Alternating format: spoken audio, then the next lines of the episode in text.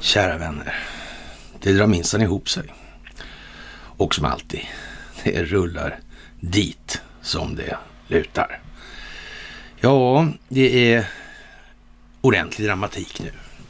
Det är ingen hejd på utvecklingsförloppen som konvergerar så att vi kan stå på en punkt och titta på hela världens reaktionsmönster och konstatera Gud vad de måste tycka bra om oss i det här landet.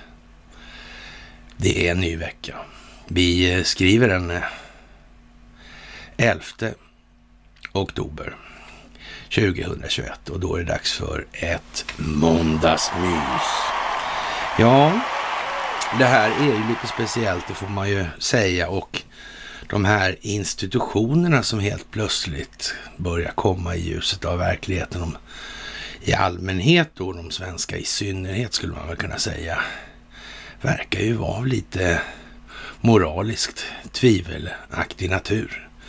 Sanningen tycks vara den att eh, en svensk Stockholmsbyråkrat definitivt inte kan knyta sina moraliska skosnören överhuvudtaget.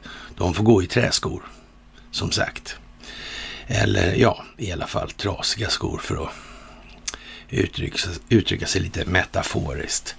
Ni ska emellertid ha det största av tack som vanligt för det ni gör. Det här går hur bra som helst och eh, som sagt, det här spelar oss rakt i händerna, häpnadsväckande nog. Det verkar som att det är någon form av eh, dator som nästan har räknat ut allt det här, hur det ska bli liksom.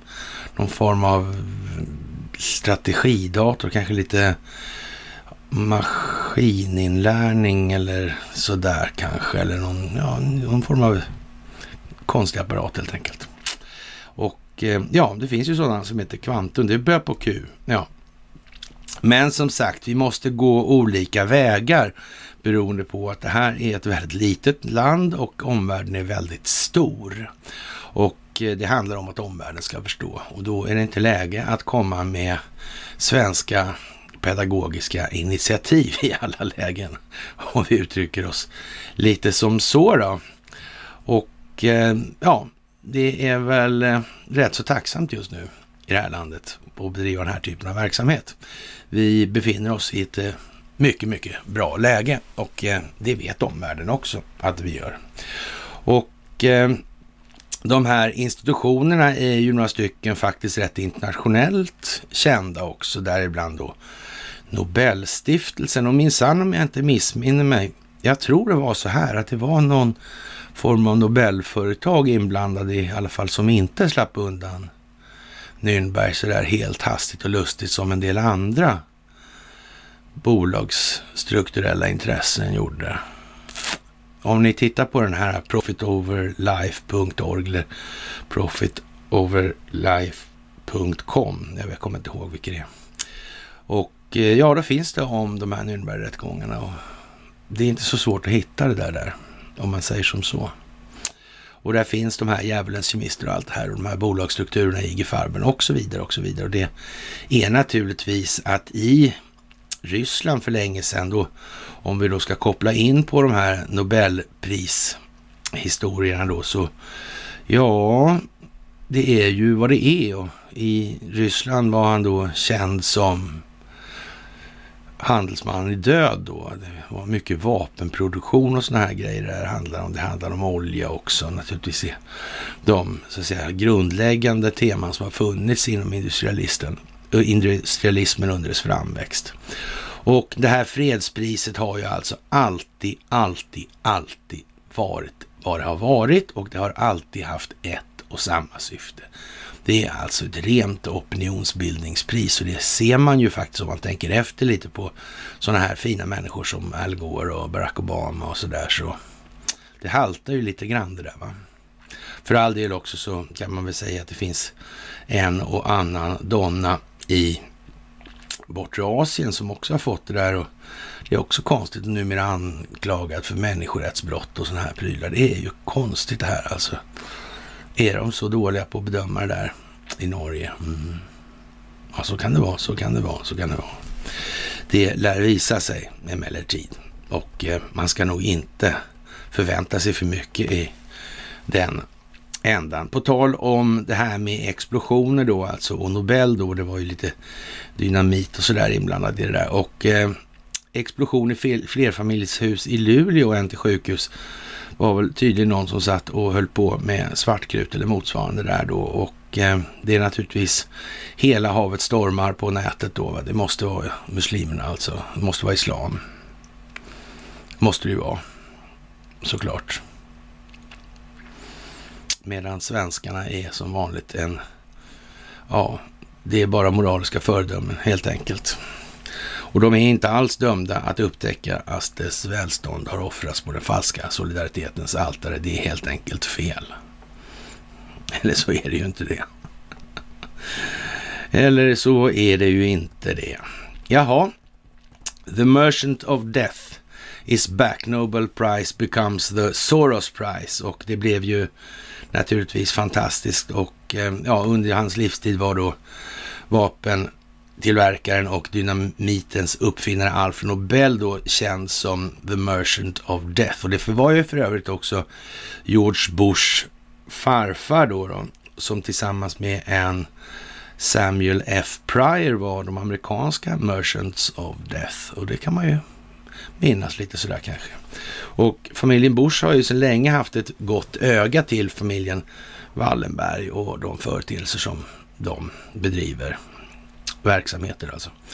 Och eh, det kanske har sin grund lite mer historiskt och det har vi ju pratat om rätt många gånger och det kan vara bra att i det här läget så man har en förståelse för varför det blir som det blir. Kanske sätta sig in lite mer i hur de historiska perspektiven egentligen ser ut alltså.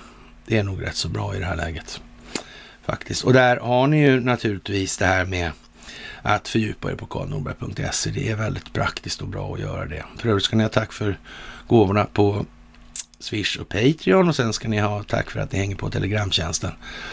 Och eh, ja, det är ju fantastiskt egentligen. Och det här kommer ju tillbaka nu bara. Det blir det här som jag beskrivit i, ja, evigheters evigheter då i alla fall.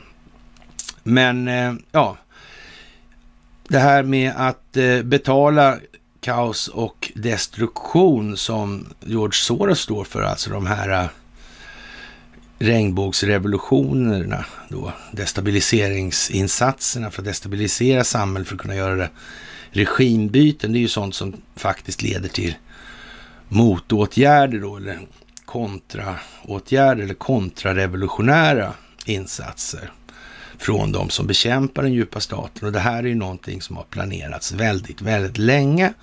Och det har vi beskrivit rätt många gånger nu, att det här är ingenting som man har hittat på då när Donald Trump blir president. Det här har pågått i evigheter, höll jag på att säga, men väldigt, väldigt länge. och eh, hur länge exakt, det vet väl ingen sådär, men vi, vi, vi, kan ju sträcka det långt bak, alltså, så det, det är alldeles säkert. Och vi förstår ju att man förstod att systemet skulle bli skuldmättat samma sekund man kom på idén med att införa det. Alltså det är vi helt medvetna om. Och eh, ja, vad ska man säga? Nobels Nobelkommittén, de har då gått fulla cirkel nu och är tillbaka här och finansierar de här jävla revolutionerna och så igen. Och eh, tiden då Alfred Nobel fanns verksam i med sina bröder i Ryssland. Den var när den var. Kan vi ju lägga till då för säkerhets skull ifall någon hade missat den lilla detaljen. Ja, ja, och eh, det var som det var. Jaha, och eh, Xi Jinping han utlovar en återförening med Taiwan och det är det som är, eller vad som är bäst för Kina och de här Shanghai-furstarna då, de skrattar ju inte sådär våldsamt mycket. Alltså de, den del av Kina som kan sägas utgöra kärnan i den djupa staten i Kina. Och de garvar, garvar ju inte hela tiden nu. Och eh, Kinas president Xi Jinping utlovar en fredlig återförening med Taiwan, rapporterar flera nyhetsbyråer. I ett tv-samtal sa han att det ska och måste genomföras och att det är det bästa för Kina som helhet. Samtidigt sa han att eh, taiwanesisk självständighetsseparatism är det största hinder för att åstadkomma det här. Och eh, Ja, det kommer inte att sluta gott för de som glömmer sitt arv, förråder sitt land och försöker splittra landet. Och sen kommer det något väldigt konstigt. Xi Jinping nämnde inte explicit den senaste tidens spänningar och de kinesiska stridsplan som flugit in i Taiwans försvarszon. Men han sa att eh, Ja, det här med Kinas inre angelägenheter, alltså det är ofta det här uttrycket kommer till användning. Har vi hört det förut? Det har vi gjort. Och det är nog så i den här typen av pedagogiska, eller pedagogiska sammanhang där jordens genom tiderna största folkbildningsprojekt, att det faktiskt är på det viset. Att man använder så att säga portalfraser ofta för att liksom det ska ge anslag och leda tanken. Det kan vara så att de här som räknar på de här utspelen, alltså hur, vilken tid ska ligga var, hur ska det här hållas ihop rent processuellt alltså. Så att det inte blir massa glapp och standon. Det handlar alltså om folkbildning, det handlar om opinionen, det handlar om att kratta manegen, alltså skapa en optik som gör vidare information mer möjlig att motta. Utan att det blir för mycket, så att säga, gnissel och gny eller då kognitiv dissonans kan man ju säga då. Och eh, ja, ni förstår ju vad det här är för någonting nu och det är bara att så att säga hålla i hatten och åka med. För det här är planerat och vi måste göra vår del och vi gör vår del och vi måste öka det. Och vi får ett enormt stöd ifrån omvärlden i det här. Och vi får ju naturligtvis stöd av den stacklade svenska mediakåren också nu, som är tvungna att göra en massa saker som de inte alls har lust med. För internet minns ju trots allt. Internet minns vad de har sagt, vad de har uttryckt och så vidare. Och eh, jaha, SVT Aktuellts oberoende expert hävdar att Europa har gått, eh, genomgått en period av ovanligt vindstilla och torrt väder. Ett Youtube-klipp och eh, ja, vad ska vi säga? Eh, är det så där verkligen? Eller är det inte så här? Släpper de inte på i älvarna då? Något? Det där vattnet som kommer rusande ner i Ljungan uppifrån dammen i Nordanede till exempel. Det har ingen, det, kom, det regnar på vägen alltså, eller? Det är inte så att de släpper förbi någonting här. Och i trängslet gör de ingenting heller. Och Ljungan har inte haft högt vatten heller. Kanske. Nej, jag vet inte. Det finns ju fler dammar. Det finns ju massor med dammar där, så det kan ju ja, släppas lite här och var för att hålla nere. Man vet ju aldrig helt enkelt. Så det är ju underligt det där. Och så är det e-, e-, elbrist. Och sen påstår Boris Johnson att han ska byta namn till Boreas på grund av att de skapar så mycket nordanvind. Mm. Med de här elmotorerna. Eller, oj, generatorerna. ja, sådär. Vi vet ju inte riktigt, men eh, som sagt, det är ingenting hänger ihop överhuvudtaget och eh, det här går ju ut på nu mera att eh, klimatfrågan ska då dödas och begravas en gång för alla. Man måste ta en sån här i tag. Det går liksom inte att ta alla på en gång heller. Och då får man ta de här med som lite mer övergripande effekt. Då får man ju börja städa, städa i dem då. Och, och det är lite av det här dilemmat som man kanske har då, det har väl inte kvantatorer som räknar på det här naturligtvis, de räknar ju bästa sätt direkt, direkt såklart. Men man, man säger så annars i, i mellanmänskliga sammanhang kan man ju kanske tveka ibland om vad som är klokast då och angripa då. Och man tycker, en del tycker att 5G är det vi ska satsa allt på och, och bekämpa. Och någon annan tycker att de här dödsmördarvaxen är det liksom viktigaste på hela jorden och och någon annan tycker kanske till exempel att eh, det valutafinansiella systemet styr trots allt ekonomin och kan ju vara rätt viktigt. Det här med, det vore ju fördel om vi hade ett som fungerar i alla fall. Och, och för annars blir de andra lite underordnade så då kan, då kan ni varken det ena eller andra fungera. Läkemedelsindustrin är noll utan ett valutafinansiellt system och det är ju faktiskt 5G också. Det kommer inte bli så mycket ringande hit och dit och sådana grejer och ingen kommer kunna jobba med och hålla drift i de här systemen utan att det finns ett sånt fungerande valutafinansiellt system. Så någonstans så måste man bestämma sig då vad ska man kraftsamla på eller till för någonting. Och det, det, är väl ganska bra. Man ska kanske lägga insatsen där man så att säga får högst verkningsgrad också. Det kan nog vara bra. Och plånbokskärlek är ju som sagt ingenting som Sverige lider någon sådär stor brist på faktiskt, utan det, det finns det rätt gott om i det här landet. Jaha, men eh, Kina har i alla fall väldigt dåligt med el då, så där eh, att på ingenting. Den här energipandemin har ju gått och blivit globalt nu då. Det sprider sig överallt. Va? Det är, är det inte Libanon så är det Kina, så är det England eller så är det något annat då. Och det som är gemensamt för alla de här, det är ju det här med kraftförsörjningen alltså. Det är där det här egentligen är eh, det, den springande punkten då kan vi säga så här. Och, och där kommer ju den här lilla, lilla, lite märkliga företeelsen in i bilden då att de här, alla de här länderna har faktiskt inte kommit på att det är ju ganska bra att ha koll på det där. Det ska kanske inte vara så att enskilda intressen sitter på spakarna för att kontrollera en sån samhällskritisk funktion. Och det är ju liksom ett kanske där som är i underkant då när det gäller sarkasm alltså.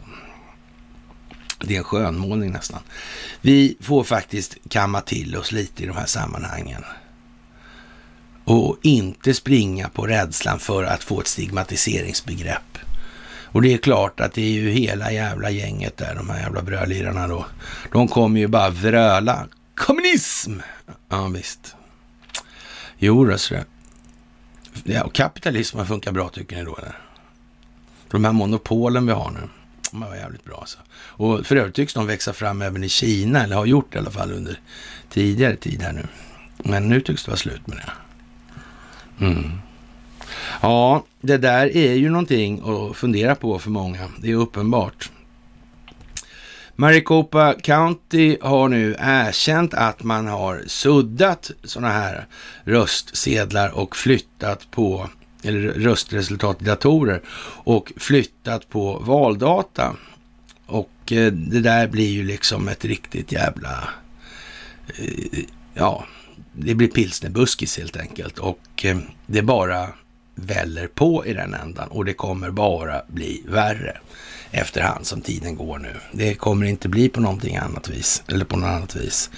Och eh, ja, vad ska vi säga? Flyget ska bli grönt säger man då och eh, ja, det där är ju någonting, nu börjar man ta upp de här mer vad ska vi säga, absurda vinklarna på det här av det enkla skälet att nu måste folk faktiskt se det här. Hur mycket vill man betala för den här klimatneurosen då? Man får ju dra den bogen också naturligtvis. Hur mycket är ni beredda? Är ni beredda att svälta ihjäl allihopa för att rädda den här miljön? Utrota allt mänskligt liv. Är det poängen? Är det en möjlig väg i det här? Och om inte det är en möjlig väg, ha, vilka ska få överleva då? Vilka ska få leva och vilka måste dö i det här? Och så vidare. Nu måste man dra de här frågorna till sin spets för att folk ska tänka till. Liksom. Vad, vad, vad är det här för någonting? Vad, vad, vad kommer det här ifrån? Är, det, är de här historierna eller narrativen eller legenderna eller vad vi ska kalla dem för, är, är de rimliga i förhållande till verkligheten överhuvudtaget eller är det någonting annat? Det här måste man faktiskt göra klart för sig själv lite mer än vad vi har lyckats med hittills i det här landet, för nu blir det så att säga skarpt läge. Och vi har en massa energi i det här laget, eller i landet. Och den kan vi faktiskt göra, eller förbruka mer klokt, helt enkelt. Och eh, ja, det är ju en del sådär kvar att göra naturligtvis, men vi är på god väg i alla fall. Vi har fått upp farten. Miljöpartister vill styra SVTs nyhetssändningar är väl kanske en over the top signalering som heter duga. Om nu då de här, ja, SVT och de här ska då föreställa någon form av allmännyttigt folkbildningsorgan då.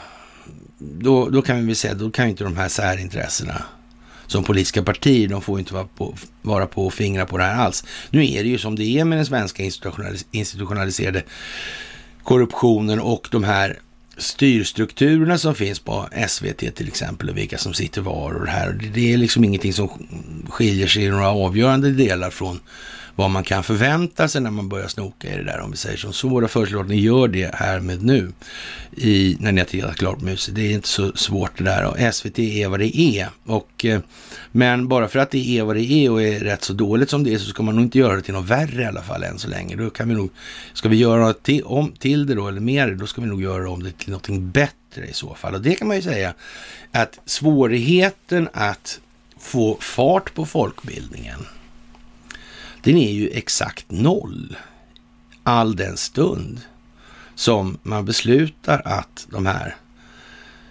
SVT och så vidare ska faktiskt ägna sig åt det de utger sig för att göra. Inte bara någon läpparnas bekännelse, alltså de ska i verkligheten bedriva folkbildning och upplysning. Och det kanske man inte kan göra med den här uppsättningen människor som man har haft eftersom de uppenbarligen har haft en lite annorlunda prioritetsordning för sitt verkande inom upplysningsverksamheten i alla fall. Det är säkert så ja.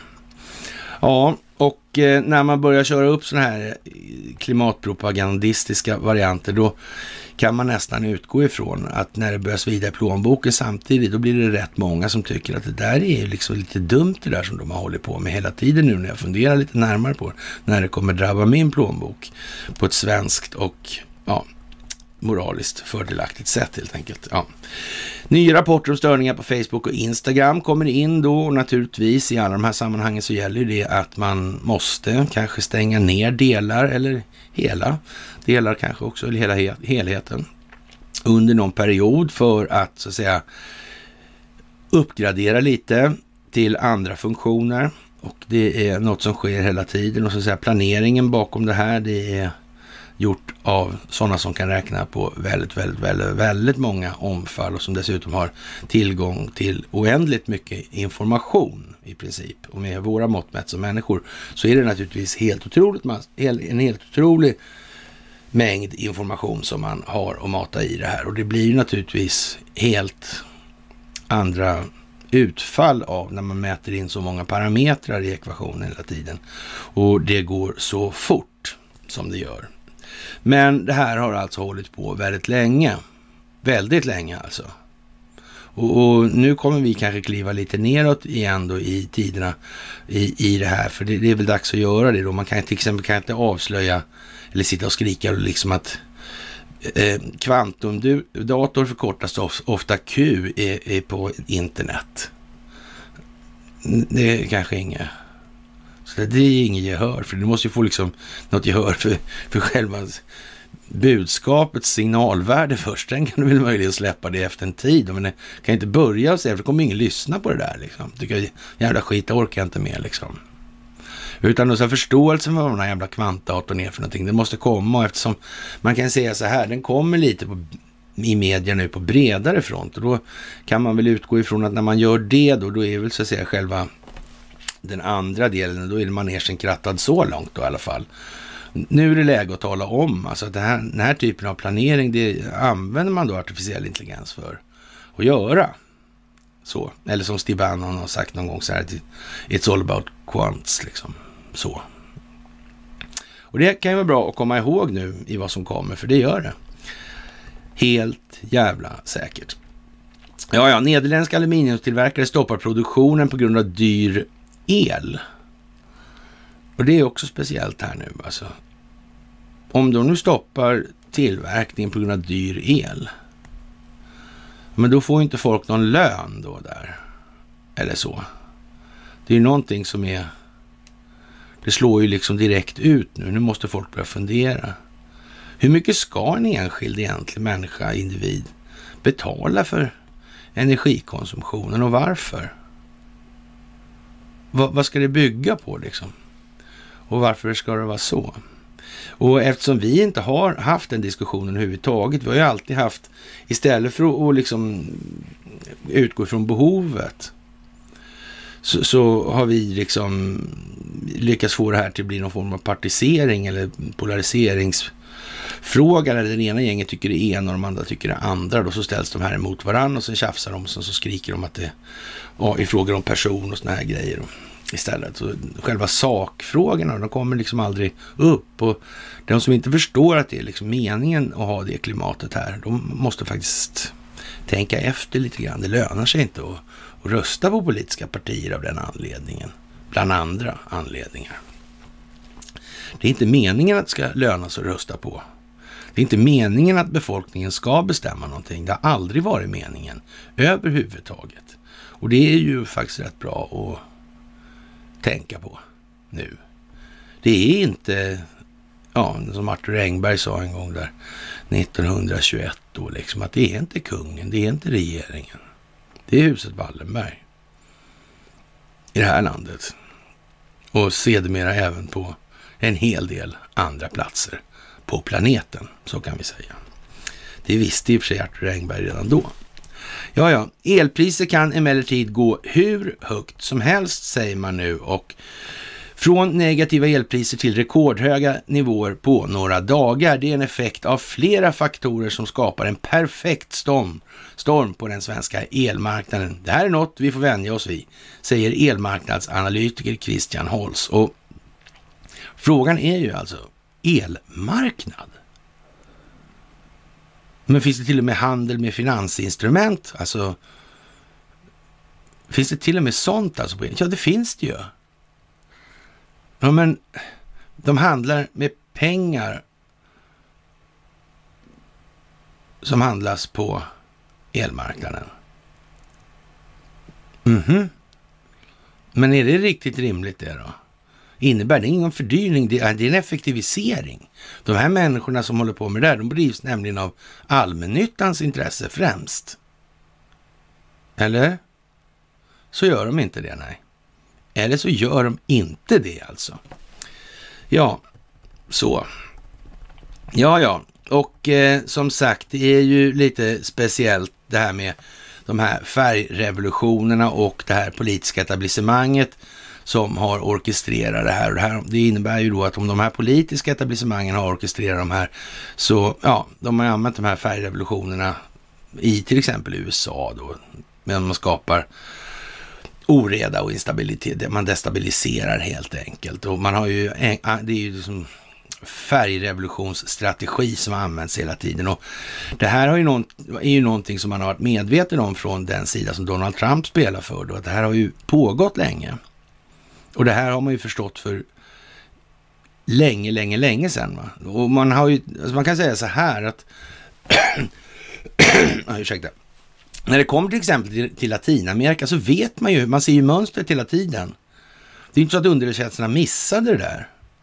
Och det måste ju funnits rätt många inom underrättelsetjänsterna i till exempel USA som tyckte det var helt otroligt konstigt det där.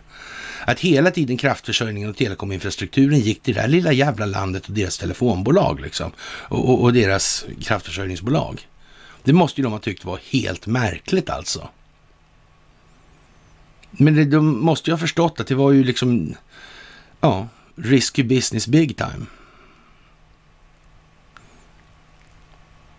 Men efterhand som de kollar hur mycket inflytande har de här egentligen. Hur länge har de funnits här, de här intressena? Då blir det ju lite annat helt plötsligt. Det får man ju tänka på. Mm.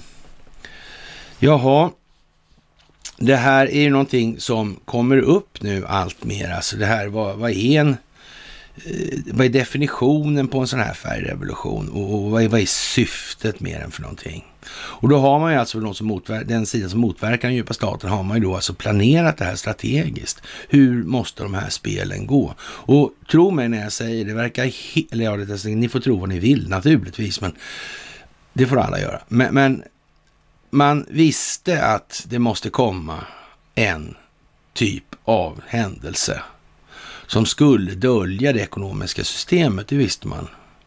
Hur säkert som helst. Och man kunde räkna ut vad det skulle hamna i för något. Man visste att den här covidiotin låg, eller kronviruset eller vad vi ska kalla det för, låg i pipen. Mm. Och man har snappat upp det här. Och Joe Biden, han använder inte argumentet att Donald Trump har försökt ja, döda sin egen befolkning ja. genom bakteriologisk krigföring till exempel, eller biologisk krigföring. Det gör han inte. Nej. Ja, nej men man får ju tänka till här nu. Vad är det här och hur djupt är det här planerat egentligen? Hur mycket har de vetat om vad egentligen? Men man får ju säga så här alltså, att om det nu går som människa och ser enskild människa så här, sitta och säga att, eller räkna ut det här, då är det väl själva fan om inte de där rätt så väl tilltagna strategiska staberna med sina kvantatorer kunde göra det här. Det kunde de alltså, det är helt säkert. Ja, och nu är det bara att gå in och läsa på olika sidor. Det finns då på det här Patel Patriot då om det här med devolution. Det finns väldigt bra beskrivet och det är det som gäller i de här sammanhangen. Det finns inget annat. Man har vetat att det är han Cash Patel där som håller på med det där. Och det här är ju någonting som faktiskt människor måste börja fatta nu. Det här är ingenting som bara händer. Det är ingen slump. Det här med elpriserna är ingen slump. Det här med covid-historien hit och dit är inte heller någon slump. Och allt det här finns då integrerat i den här strategiska planeringen som vi ser spela ut sig framför våra ögon. För öppen ridå alltså. Och det är meningen. Det kommer att bli bra. Men det kommer också att ta så lång tid det behöver ta för att vi ska ha ett tillräckligt stabilt underlag för att kunna genomföra de förändringar som måste genomföras. Och eh, det här är ingenting som våra svenska politiker har någon större koppling till det som kommer. De är ju numera på det klara med den nattgamla isens lutning där de befinner sig. Så är det också. Jaha, det är naturligtvis ja, otur för den här kvinnan som är formellt nu formellt anklagad för att ha stulit Pelosis laptop och eh, ja, hon sålde ju den och, och så vidare då. Det är ju synd och då kan ju ingen ansvara för vad, hur de där kommer ut liksom och vem som får tag i vilken information och såna här grejer. Det är ju naturligtvis så. Och hon får väl ta den smällen. Vem vet, hon kanske tar den med ett leende. Så kan det ju också. Och eh, ja, det är väl lite varning för Edward Snowden modus operandi där alltså. Igen då. Jaha, det är ju universitetet i Hongkong så ska man flytta på en minnesstaty då. Och eh, det här är ju symbolik naturligtvis och det handlar om att skapa opinion. Vem gör vad och varför? Vems symbol är det där? Vilket opinionsbildningsmässigt signalvärde hade den där statyn egentligen? Och så vidare. Och återigen, det är viktigt nu att komma ihåg att man, man ska inte förledas till att tro att Kina är en homogen entitet. Och det är därför det är extra viktigt för de svenska medierna att framhålla att det är en sån hård och brutal diktatur. Och därför ser man ju inte i svenska medier så där särskilt eh, ofta då i alla fall att Börje Ekholm sitter i ledningen på Alibaba där och, och den här Josef Tsai som eh, var med och startade Alibaba tillsammans med Jack Ma, han kom ju faktiskt direkt från Investor. Och så vidare och så vidare, så allihopa är på Nasdaq då. Här. Man talar ju inte så mycket om det av den anledningen att då ser det ju inte riktigt ut som att det är en hård och otrevlig diktatur. Och man får väl nästan säga så här att den här första diplomaten i västerlandet, att han hamnade i Sverige där då, då det hade nog varit lite i säck innan det kom på. Så med hänsyn taget till att när han väl hade blivit försvarsminister så var det första han gjorde i princip var att ge bort kontrollen över telekominfrastrukturen till Ericsson. Jag vet inte exakt om Mm, det, var, det är inte jävligt bra maskerat, det är inte. Nej, nej det, det, är faktiskt inte så bra maskerat. Det är nästan lite ludermässigt maskerat skulle man kunna säga så här. Vi tog lite minnenas parad igen. Vi gör ju det här då och då och eh, vi tar upp den här med Donald Trump då med angående 9-11 då 2001 när det här inträffar då och han är ju ganska klar över vad det här är för någonting och vad som gäller i de sammanhangen. Har han glömt bort det? Han ändrat som bytt uppfattning? Står han för någonting annat nu egentligen? Förstår han ingenting? Är han bara dum i huvudet och är orangehårig? Eller är, hur är det här egentligen?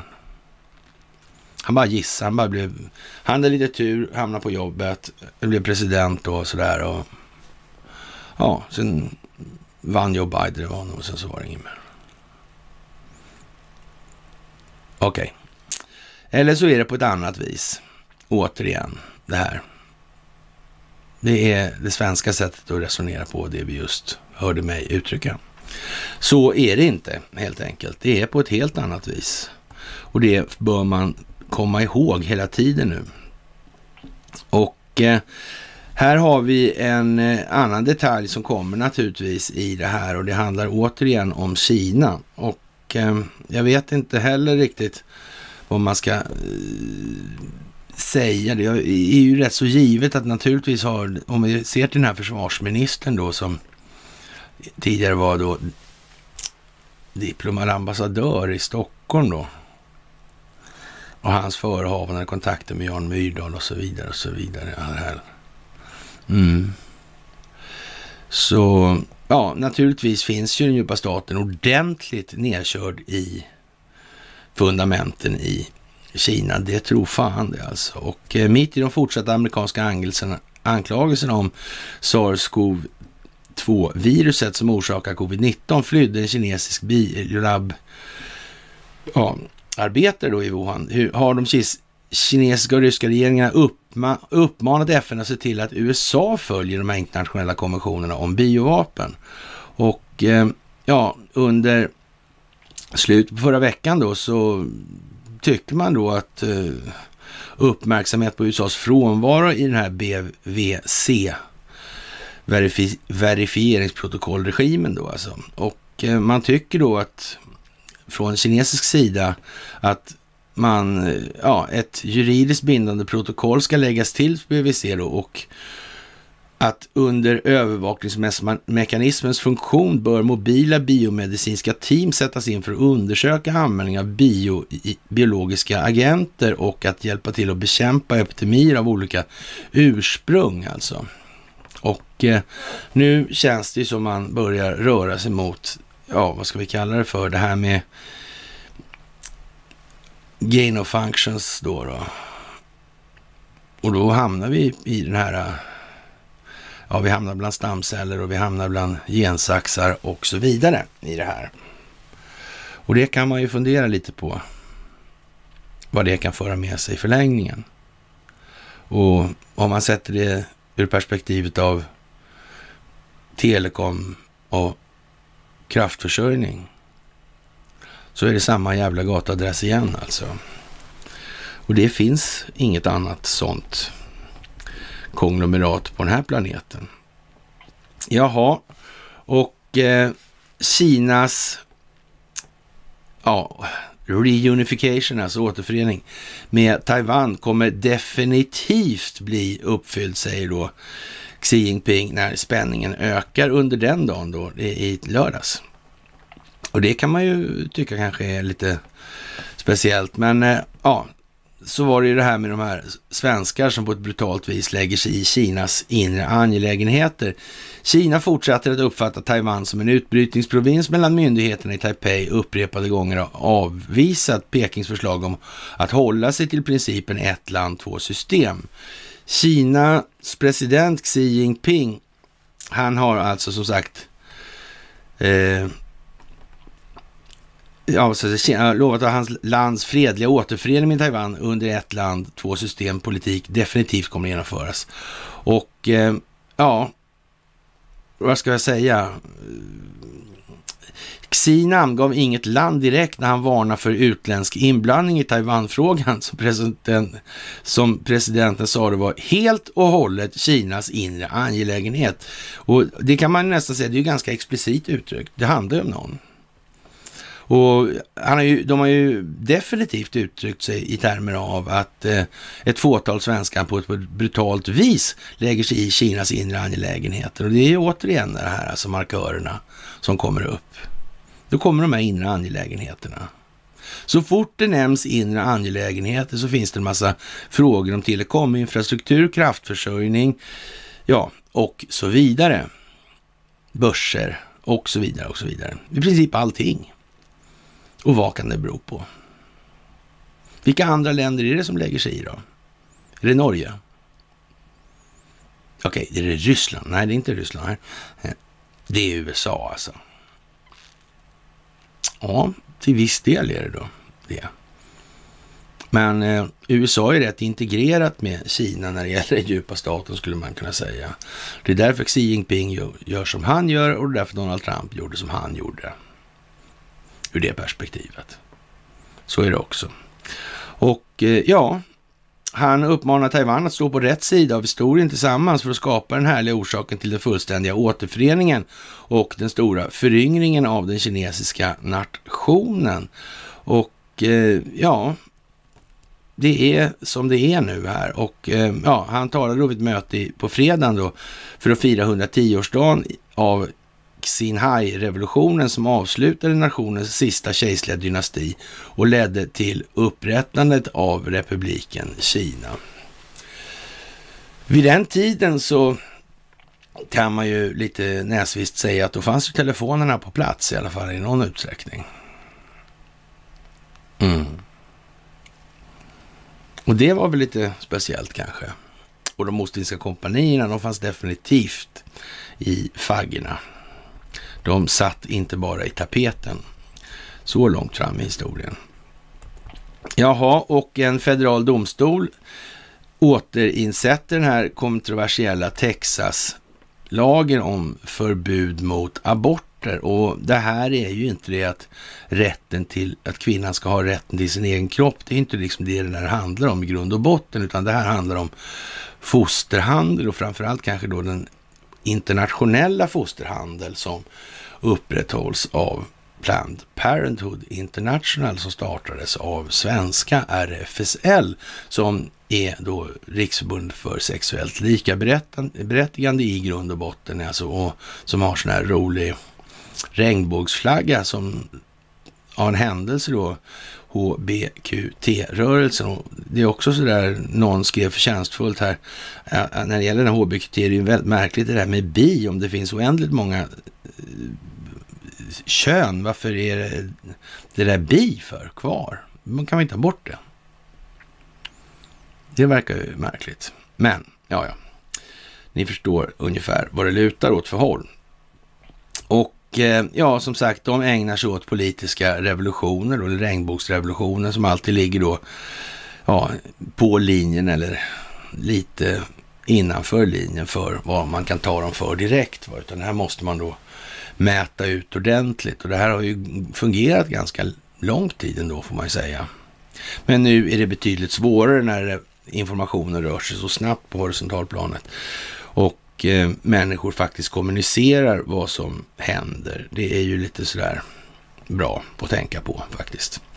Jaha, och eh, ja, det här med vad som händer i USA och det blir naturligtvis ett väldigt, väldigt väsen nu på många håll. Så är det ju och en del spelar över så att det liknar ingenting. Och det måste bli så. Vi måste få tillräckligt många att förstå tillräckligt mycket om verkligheten den här gången. Jaha, och eh, i Stockholm har man en viktig eltunnel genom, eller under stan då, sådär, som blir försenad efter vattenläckage. Och det här är ju lite speciellt faktiskt med alla de här tunnlarna under Stockholm. Och det här har vi absolut inte hört det sista av. Det finns en hel del historier kvar och lära sig känna till i de här sammanhangen. Och eh, vi får väl se helt enkelt hur mycket som kommer när, men allt ska upp i ljuset av verkligheten. Det är alltså ingen idé. Allt det vi har upplevt i form av krig och umbäranden och elände och skit, det är ju konstruktioner.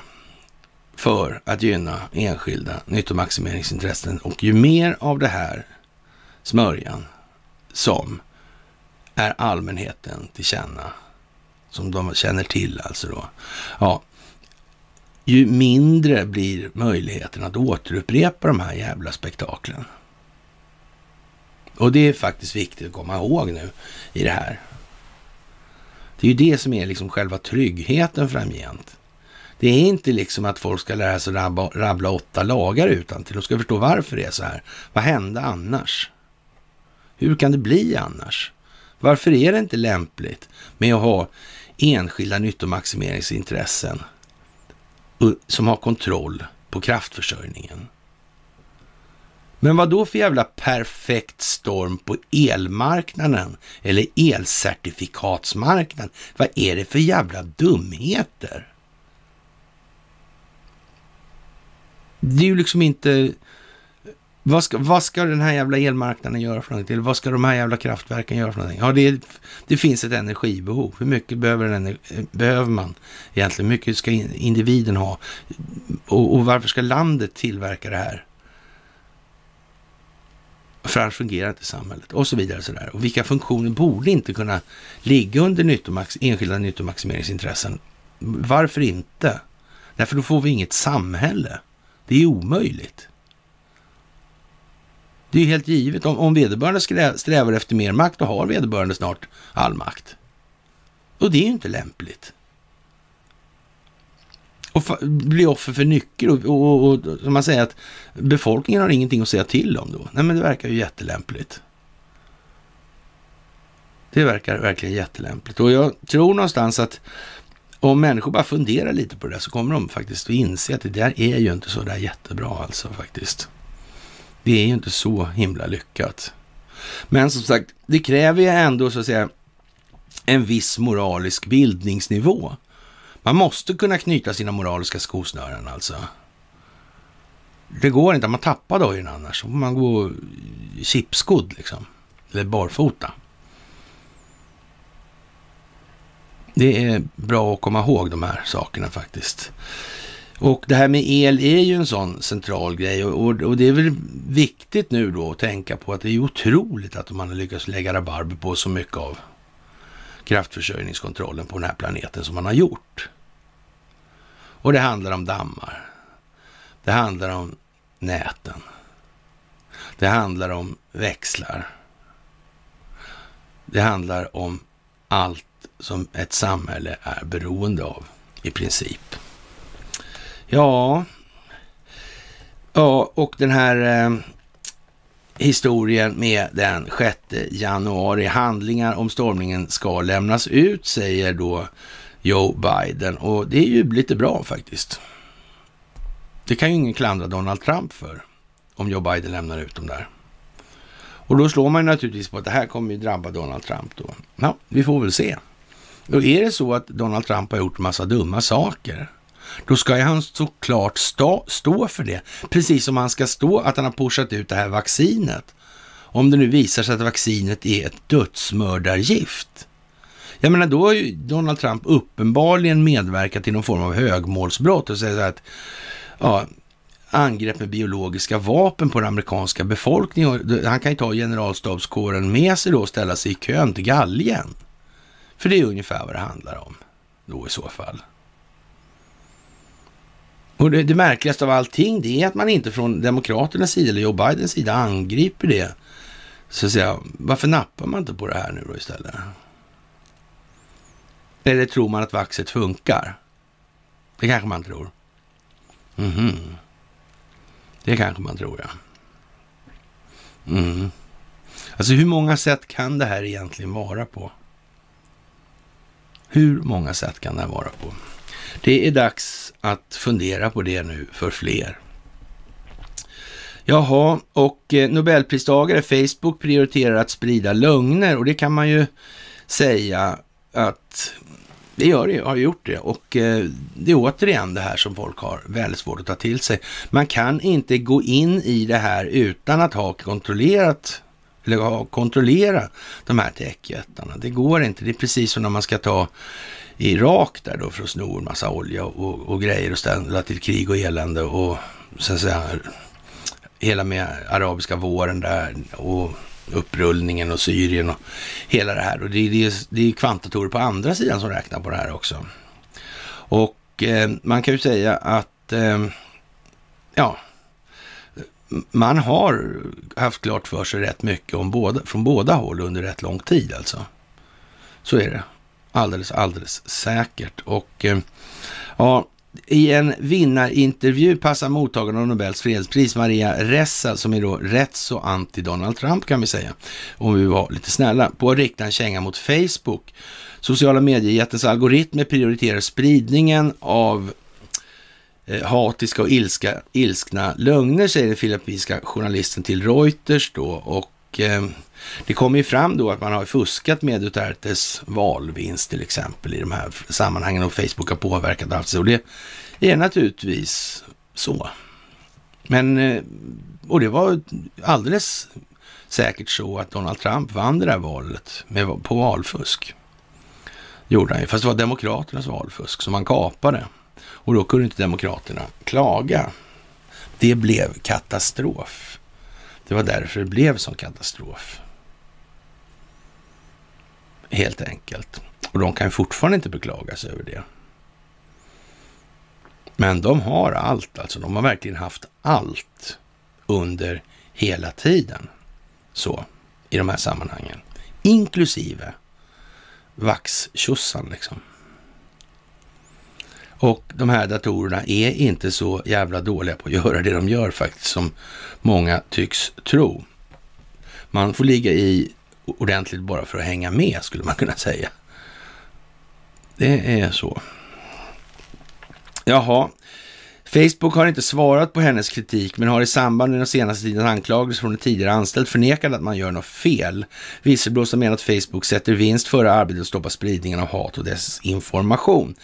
Facebook gör det de ska göra enligt den här strategiska planeringen som finns och eh, ja, vad det ska utvecklas till eller utmynna i sen, det återstår ju att se. Men det är ju ett rimligt antagande det är ju trots allt att de här kommunikationsplattformarna fyller en så viktig roll, precis som flera länder har kommit på nu, att nej, det där borde nog kanske egentligen vara hållet av samhället det också. Då kommer det vanliga gänget igen, kommunism, kommunism, kommunism. Men kommunismen, vänta nu här, där han från, som var i Sverige där, han, han var sådär, han var ju kommunist, sägs det i alla fall, och, och kompis med Myrdal och, och på tal om Planned Parenthood och, och liksom hans föräldrar kanske, jag, jag vet inte men eh, ja, och, och den här kommunismen verkar vara en, en konstig kommunism där och, och sen blev det där med växlarna och sen det där med Josef Tsai och Alibaba och, och Nasdaq och så vidare och så vidare och så vidare. Och, så vidare så här.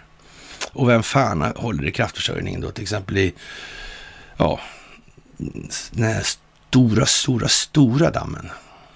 Mm. Eller för vilken jävla damm som helst såklart.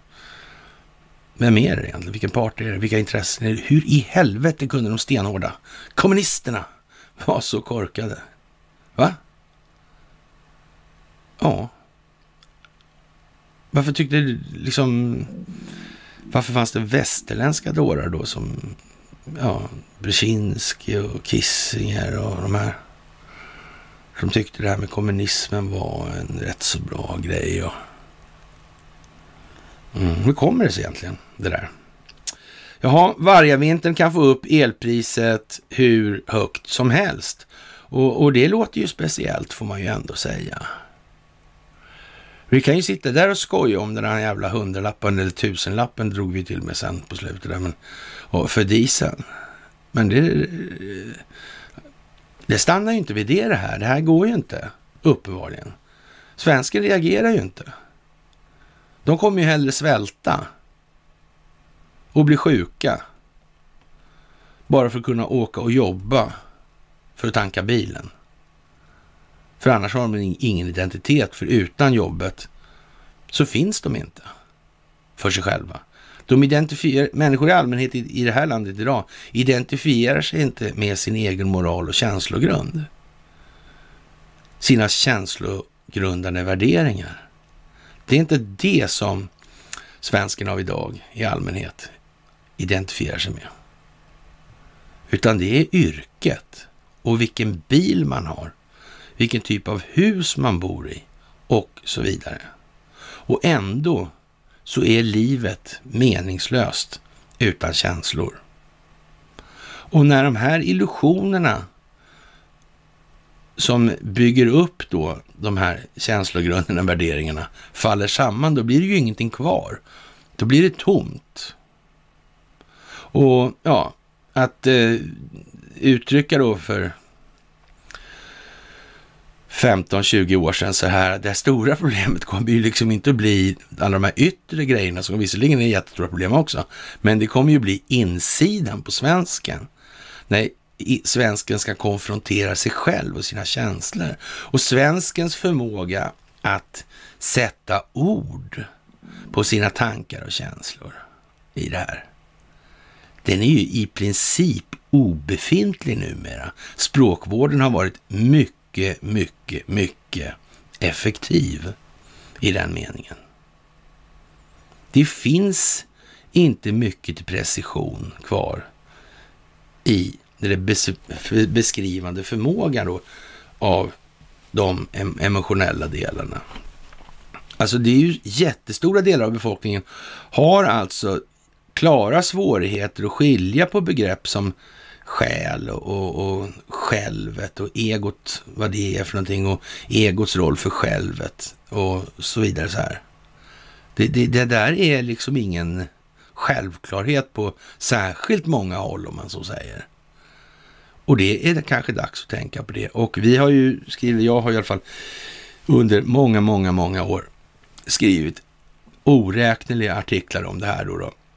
Och eh, det är ju en klar förbättring nu, ska vi säga sista månaderna sådär, i det här, ur det perspektivet. Och det innebär ju liksom att folk har börjat röra sig där någonstans i alla fall. Men det å andra sidan har då fått som konsekvens också att det här, ja, de psykosociala ohälsotaken, eller ohälsotalen då, de har ju rätt så mycket då, kan vi säga. Men det var ju som sagt ingen eh, stor överraskning att det skulle bli så. Det kan bara bli så. Det kunde aldrig bli på något annat vis liksom. Och, och sen har man, i alla fall jag då, försökt då liksom att här, titta lite så här och kanske tänk där eller så. Men eh, det där är ju svårt alltså. Det där krävs ju att man har tålamod och sätter sig och läser och tänker och funderar lite. Och, och det är ju en uppgift som vi har oss tillhanda nu, alltså som är rätt grannlaga. Alltså det, det är inget lätt jobb på det viset eftersom Ja, det här med andras känslor och deras förståelse för sina egna känslor, det är ju deras bord alltså. Men, men hur skapar man så att säga ett pedagogiskt upplägg för att förklara det här? Och då är det ju återigen det här med att man, man kanske ska akta sig lite för det här med eh, att ta till sådana storheter som man faktiskt inte kan leda i argument till saklig grund. Det kanske inte är så, så bra va? och, och då blir det religion igen då av det här. Och religion är ju inte särskilt tryggt så på det viset. Det är det ju inte. Det är ju någonstans gjort för att reglera någonting. Och det kan ju möjligtvis vara tankar det handlar om. Det kan ju vara tankar som ska gränssättas. Så Därmed inte sagt att alla religioner är dåliga och ingen religion innehåller någonting bra, för så är det inte heller. Många religioner innehåller jättemycket bra. Så är det också. Men man sa också klart för sig att det har funnits rätt mycket klåfingrigt folk som har legat, velat lägga rabarber på det här och vi kan då inte minst nämna kristendomen då och de fasoner som kejsar Konstantin och Athanasius höll på då i början på 300-talet efter Kristus företrädesvis vid synoden i Nichea är då.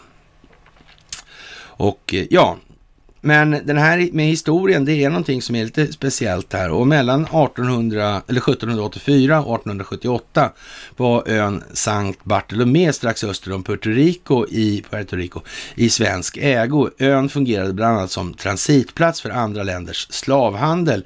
Som vi brukar pläga säga då, det, det var en slavbörs, alltså vi skar upp skillnaden. Det var inte så att vi kom dit och hade den där och andra kom dit och handlade och vi svenskarna tjänade ingenting på det, utan det var naturligtvis tvärtom dem alltså. Det var den etablerade slavhandelsplatsen och de, man kunde inte bedriva slavhandel på så många sådana platser.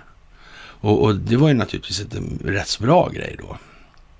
Då hade man så att säga ett gäng som seglade runt där nere och ett gäng som åkte ner till den här handelsplatsen och Lasse körde bara den roten då. Och eh, ja, Stenevi här i, då, i Omnis, hon säger då så här att kunskapsnivån om denna del av Sveriges historia är påfallande låg. Och, och, det kan man väl tänka sig av förklarliga skäl naturligtvis. För det här är ju inte precis eh, väsensskilt från den verksamhet som Ostindiska kompanierna bedrev. Inte exakt alltså.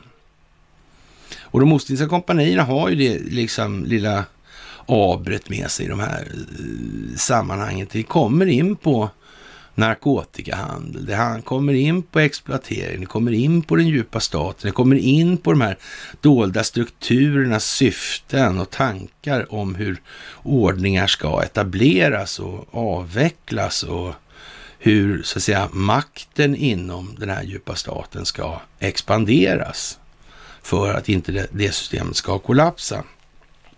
Och det här har naturligtvis hållit på i hur länge som helst. Och eh, ja, Karl Gerhard skrev ju också den här Jag är ett bedårande barn av min tid och den kan vara värd att lyssna på, tycker jag nog, och titta på texten. Lite intressant det där.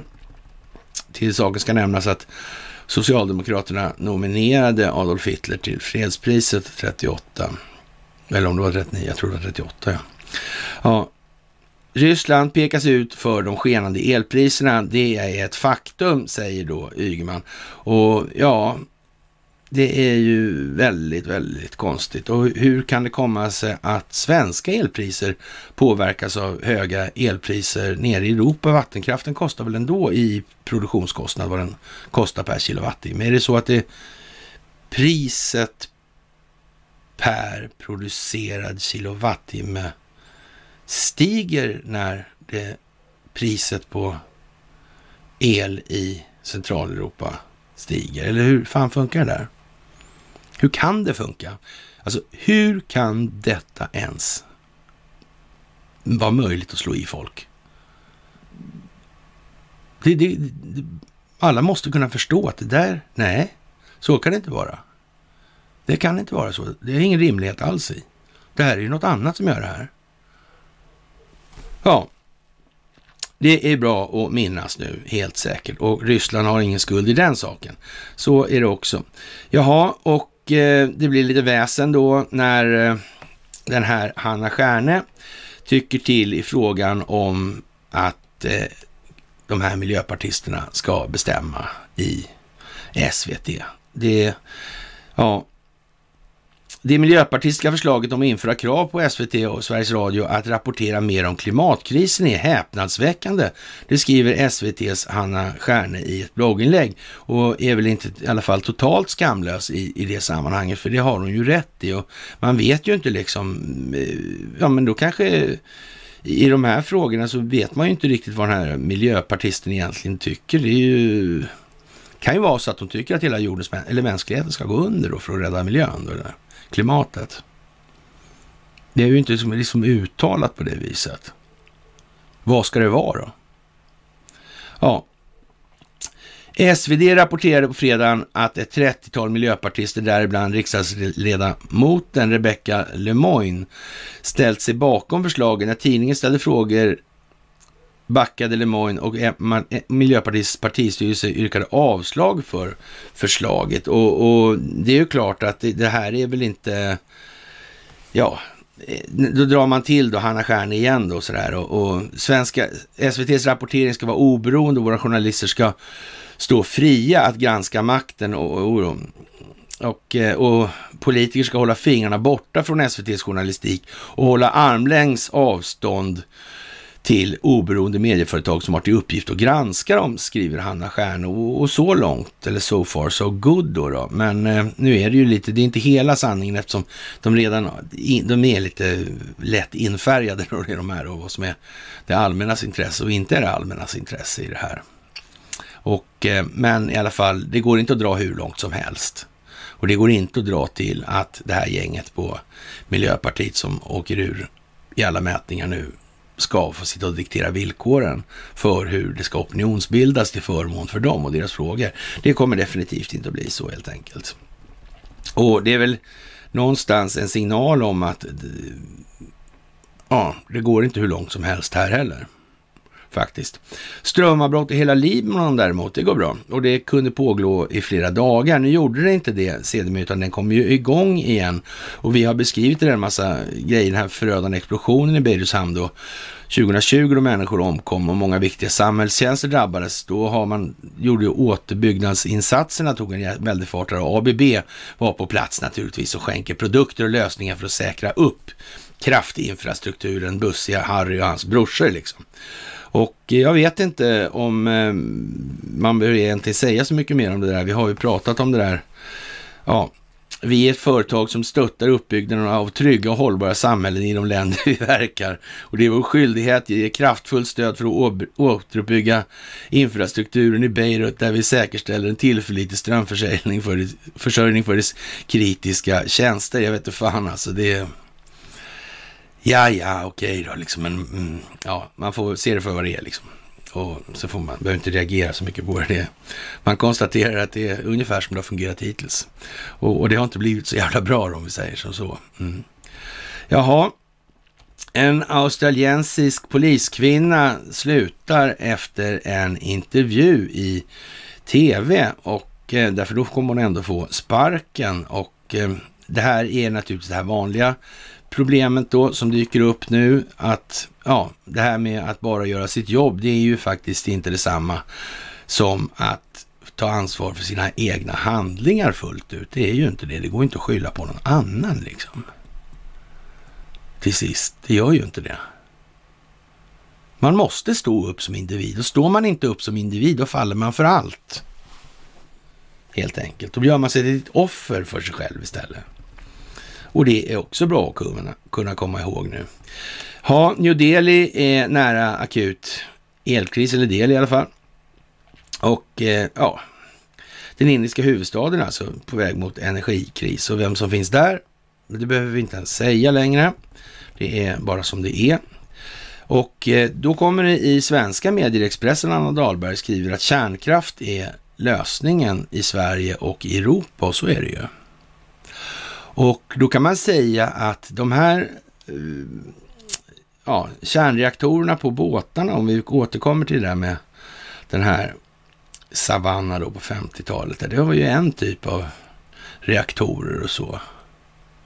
Men dagens reaktorer, om man tar på den här senaste ja, badankan då, eller det här senaste hangarfartyget då, Gerald Ford, serien då, den amerikanska, då är alltså eh, det möjliga effekt, alltså det, det är 250 procent högre effektivitet på att driv, köra de här nu på restprodukterna alltså.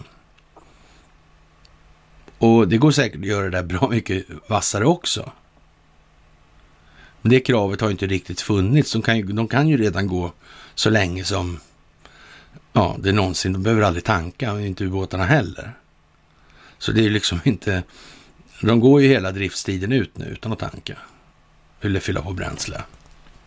Och, och då är det klart att prestandan som sådan är inte så särskilt intressant då, då. Den gör ju vad den gör. Och när man börjar ta upp det här i svenska medier, då kommer vi ihåg den här polariseringshetsen som var då med kärnkraftsdebatten och Torbjörn Fälldin där som körde det här Chickens Race-historien där och slängde ut ratten genom fönstret så skulle han få fel, då plockade han fram reservratten istället. Liksom. Och, ja, men det där det var ju lite sånt skojigt. Det var när man läste spelteori någon gång där så. Ja, det var ett återkommande exempel. Jaha, och eh, den här Maria Ressa då, hon, eh, ja, som kritiserar Facebook, eh, ja, vad ska vi säga, det var hon ger sig på både det ena och det andra och eh, då skriver hon så här då. då. Eh, Duterte-kampanjen var verkligen första gången en filippinsk politiker förstod potentialen i sociala medier.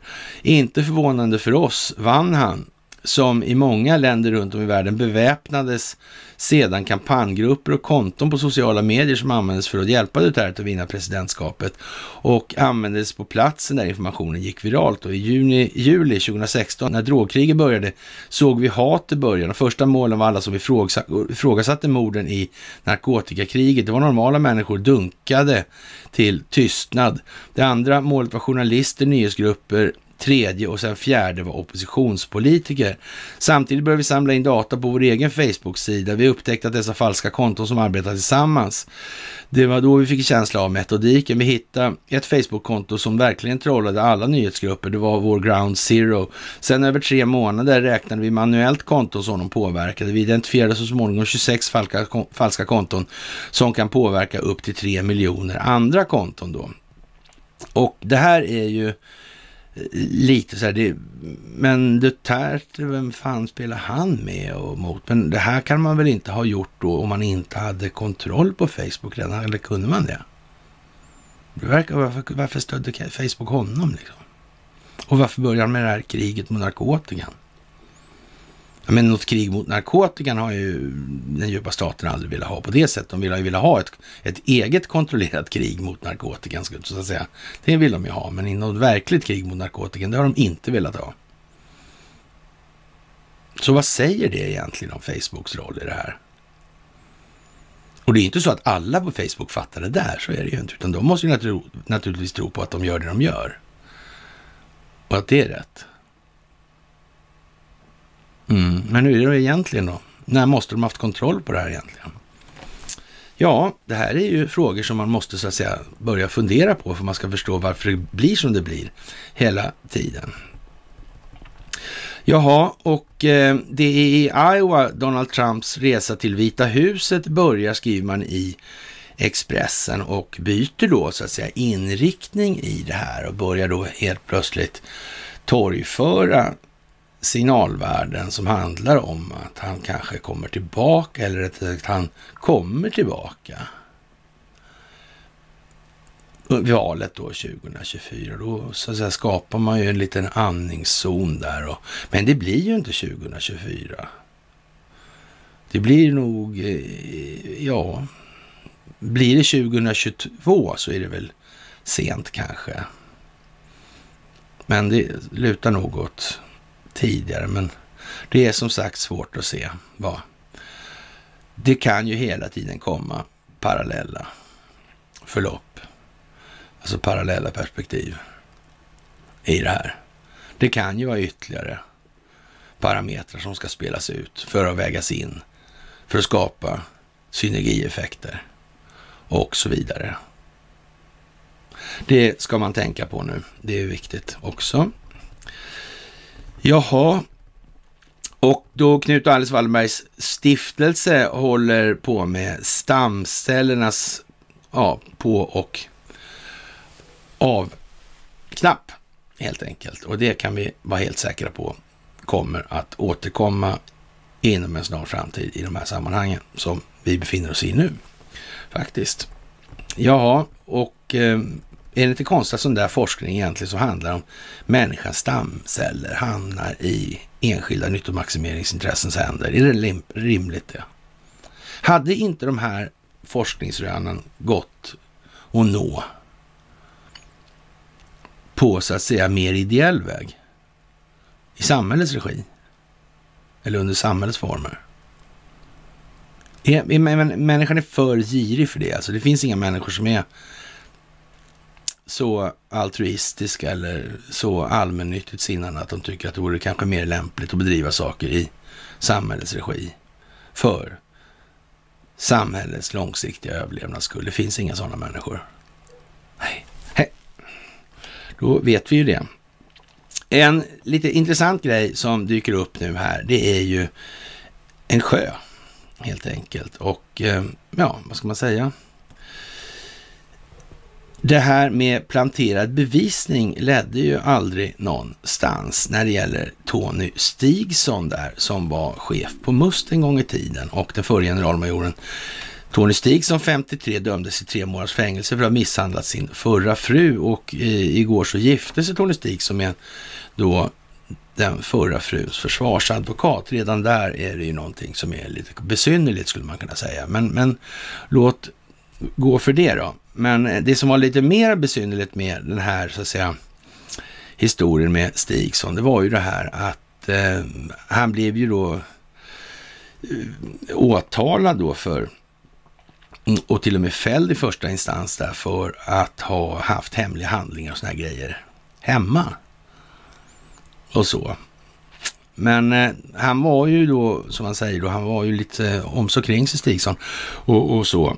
Och eh, faktiskt så visade det sig sedermera då att de, de där handlingarna då som hade uppdagats i Stigssons hem där, de var planterade där av annan part.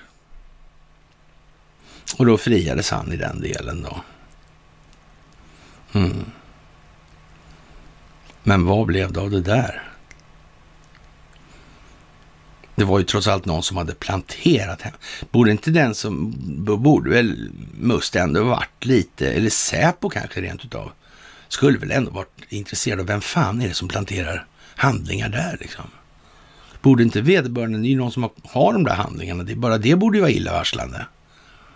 Ja, det borde ju liksom utredas säkert. Men det hände inget. Ja, ni förstår själva. Det där är ju lite speciellt helt enkelt.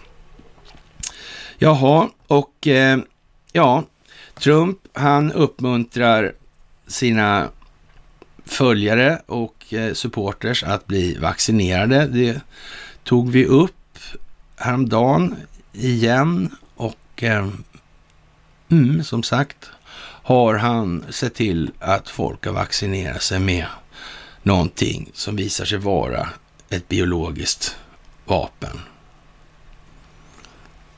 Ja, då får väl han så att säga bära konsekvenserna av det då kan man anta. Jaha, det senaste halvåret på Antarktis är det kallaste någonsin och det kan man ju tycka är lite speciellt kanske i dagens uppvärmningstider och de flesta människor börjar ju faktiskt fatta att det är någonting som är jättekonstigt här nu alltså. Någonting är jättekonstigt. Mm, faktiskt. Jaha, och eh, vad ska man säga? Köp med ett slott sa MBS då och då så köpte de ett Newcastle då, fotbollslaget istället då. Det kan man ju kanske skoja till det med. Och eh, ja, det är ju som det är med det här och det här med bröd och skådespelsindustrin, det är vad det är. Och det är inget annat. Det ska den väg dit det ska helt enkelt.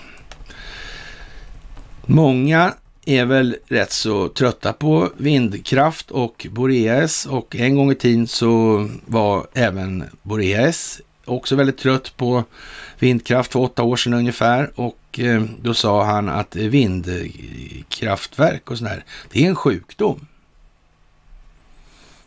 Och sen bara svängde han och trodde att ingen skulle komma ihåg det. Så internet minns alltså. Så det...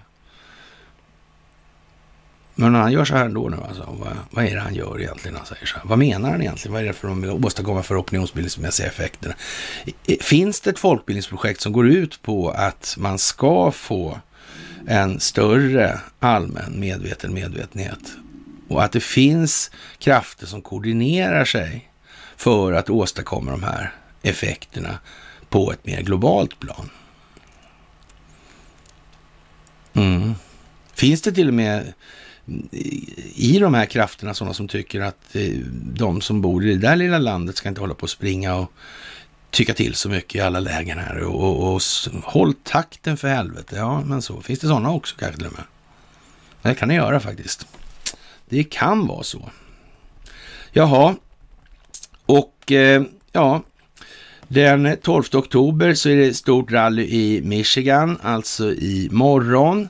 Och eh, man kommer då vara massa, massa patrioter där och man kommer kräva då en sån här vetenskaplig undersökning av det här presidentvalbedrägeriet som man säger nu och det här är bortom vad någon kan föreställa sig, säger Donald Trump då. Och eh, alla som bryr sig om det här landet USA alltså skulle ta sig dit och titta på det här nu. För nu antingen så fixar vi till det här som har varit. Ja, eller eh, ja, så har vi ingen framtid. Och det kanske man ska tänka lite på när man ser sådana här jippon som partiledardebatt och sådär. Det är ju inte så att det där finns i USA, där borta. Och här finns ingenting. Men här har vi ju liksom inga tongångar om att det är något som behöver fixas till överhuvudtaget. För att vi har ingenting annat än den djupa staten. Det är ju så. De har ju liksom någonting annat, men här har vi inte det. Vi har en och samma grej alltihopa. Och den måste bort. Och det är en lite annan situation än vad alla andra länder befinner sig i. Och det är den grejen som har gjort det här möjligt överhuvudtaget, så det är bara så. Jaha, och i mörkret då, och då stänger då Libanons största kraftstation eller kraftverk ner. Och man kan väl säga så här att den som inte klarar av då att hitta ABB i ABBs roll i Libanon, får vi fan leta lite till då. Men det här är inte svårt alltså. Jag menar, är det, blir det strömlöst och det är kraftstationer, alltså då måste de, eh, kraftbolaget, de måste liksom vara inblandade i det. Det finns inget annat. Och eh, man kan väl nästan anta att eh, ja, centralbanken hade tydligen ställt några små löften och sådär. Då fick de igång den också, lustigt nog. Den har just varit reviderad för övrigt. Sådär. Men hur det har gått med revisionen, det är väl inte riktigt klart. Och det blir väl eh, kanske konsekvenser på det här just nu. I dagarna, idag till exempel, så kom det ju lite i de sammanhangen när det gäller centralbanker som skulle kunna ha bäring på den här revisionen av centralbanken i Beirut. Eller kanske snarare eh, resultatet av den revisionen skulle man kunna säga. Så har man varit lite hovsam kanske. Jaha, hur som helst, den med Tony Stigson, han var på Must. Och han var i spionbranschen och eh, vad ska vi säga? Det var lite fiskelycka i eh, en kille som heter Mikael. Han var och fiskade på Edsviken där. Och eh, ja, vad ska jag säga? Det var lite förärligt. Han fick upp en, en eh, kryptografmaskin så här i tider som dessa. Och det får man ju säga är någonting som kanske inte händer varje dag annars. Och i tider som mest, de här då faktiskt, ja vad ska man säga? Det är, vad ska vi säga? Ja, konstruktionen var liten och billig med hög säkerhetsnivå. Hagelin lyckas övertyga USAs militär köpa in den. Ja, Hagelin och Hagelin, men sådär då. Ja, tiotusentals maskiner såldes och Hagelin blev miljardär på det här. Ja, det var redan Nasdaq-fasonerna med andra ord sådär. Ja, enligt hans svåger Sixten Svensson ska samarbetet sträcka sig mycket längre än så.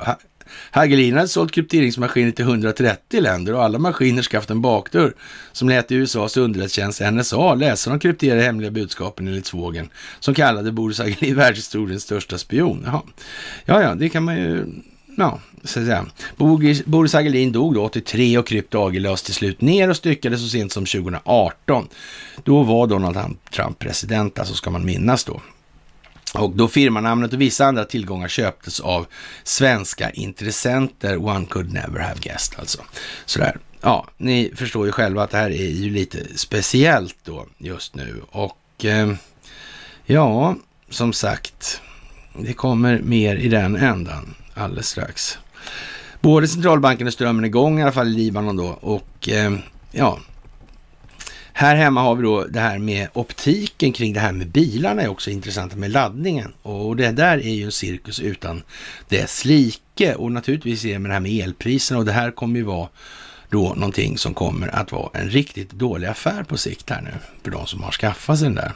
Även om det kanske på lång sikt så kommer det kanske att bli annorlunda. Det vet vi inte så mycket om än. Men just nu så kommer det här bli lite tokigt faktiskt. Och, men för all del, det kan säkert bli lite gräl om det också, så kan folk hålla på och träta om vad som är bäst då. Och de som har köpt elbil kommer naturligtvis vara ganska så ja, miljötillvända, sådär kan vi säga. Företag hålls som gisslan i hackerattack och det här är ju någonting som är lite eh, lattjo och det visar sig då att man har då till exempel tagit Aktieinvest som är sålt från Aktiespararna då och, och nu är man ju liksom inne på ja, vad kan det tänkas vara för några skojiga uppgifter som kan komma? Och som sagt, återigen, Pelosis dator, Edward Snowden. När man ska läcka något så kan man ju liksom inte komma. Alltså hur då läcka liksom? Det, det, det måste finnas ett sätt som håller för att det där har kommit ut. Och hackning är ju ett sånt sätt i det här. Men det måste hackas också då. Sen om man döljer spåren så är det en annan sak. Mm. Pelosis dator såldes och sen kan ingen säga något om någonting som finns på den när det kommer ut. Till exempel. Och det gick inte för NSA själva att åka ut och lägga de här filerna. Så det måste ju ha kommit iväg på något sätt som var trovärdigt. Ja, och eh, ja, det är ju lite tråkigt det här när de hamnar i den situationen. Men å andra sidan så har väl de kanske gjort vad de har tyckt var lämpligt och då blev det som det blev. Och det där är ju lite, så att säga, lite löjeväckande överhuvudtaget när oj, oj, oj, säger Eva Tiseus kommunikationsdirektör på Transdev Sverige och ber att få återkomma. Ja, det är ju vad det är helt enkelt. Ja, och sen så en stridsvagnsnörd läckte hemliga dokument då i SvD och det kan man ju tycka är lite sådär äh, märkligt. Det innebär ju att de här vapensystemen är ju trots allt så rätt så känsliga ur ett informationshanteringsperspektiv. Det kan man ju säga i alla fall. Och det innebär ju någonstans att är det särskilt lämpligt då att ha enskilda intressen som har tillgång till den här typen av information? Finns det ingen risk att det här enskilda intresset faktiskt tänker på att det är ett enskilt intresse och gynnar sig själv och säljer den här informationen rent av till tredje part? Eller läcker den till tredje part för att koppla på det vi sa nyss? Eller om man ska vara lite krass då. Finns det ens en teoretisk möjlighet att de inte gör det? Nej, det gör ju inte det. Av det enkla skälet att om man ändå kontrollerar båda sidorna, ja, då måste ju de köpa nytt sen. Och de nytt, och de nytt, och de nytt. Och så sitter man och mellanläcker det här hela tiden. Men så skulle de aldrig göra. Faktiskt inte, för då hade någon sagt något. Det får ju vara måtta på fräckheten alltså. Ja, som ni förstår så är det ju det då.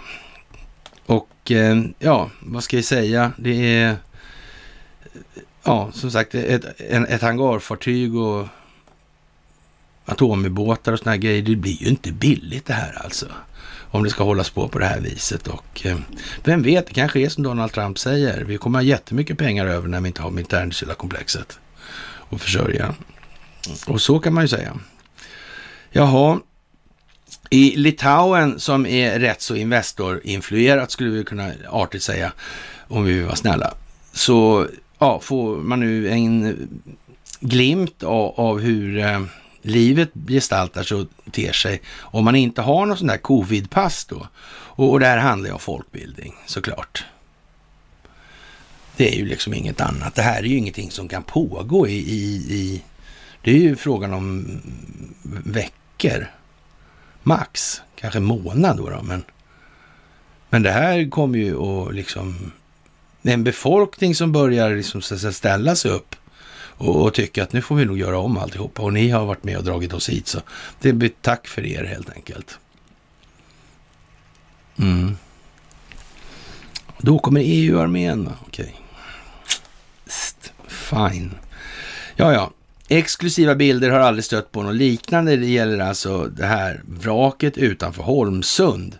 Och det här hålls ju i, så att säga, inom betalväg fortfarande och eh, ja, det är en fantastisk skatt som ligger där nere. Och vad är det för någonting då? tror det kan ju vara lite olika saker, men man kan väl tänka sig att eh, Ja, det har väl gått i ostvästlig riktning det där fartyget. Antingen har de väl fört någonting ifrån Sverige ostvart då, eller också har det fört någonting från Finland till Sverige, det hållet då. Till exempel. Kan ju till och med komma längre söderifrån, men ja. Det verkar väl lite vara spännande att se vad det där är för någonting. Det kanske är något med sån här bärnsten, det skulle det ju kunna vara faktiskt. Det beror ju på lite på tiden där, men det är väl inte omöjligt. Och det håller ju vattnet, så det vore intressant om det var det faktiskt. Jaha, stort polis på, eller polisiärt pådrag inför förintelsekonferens i Malmö. Och det är ju ett enormt pådrag i det här och det lassas ju upp nu med de här kulisserna, alltså de här religiösa kulissernas roll för den geopolitiska utvecklingen och det är alldeles säkert att det här är ingenting som kan fortsätta i och med att man har blandat in kvantdatorer i den strategiska planeringen. Den har liksom inte, det går inte att hävda den hållbarheten i logiken i det här i de sammanhangen. Det kommer inte att göra det. Alltså, antingen är någonting då altruistiskt eller allmännyttigt syftande eller också är det enskilt nyttosyftande. Det är liksom inget annat, det går inte att välja på då på samma sätt och då kommer det här inte att fungera. Och, och det är ju det, det, som är så att säga den svårartade stunden för den djupa staten när de upptäcker då att kineserna har en bra mycket vassare maskin i de här sammanhangen. Och de har bara färgat på. Och det är ju lite speciellt faktiskt.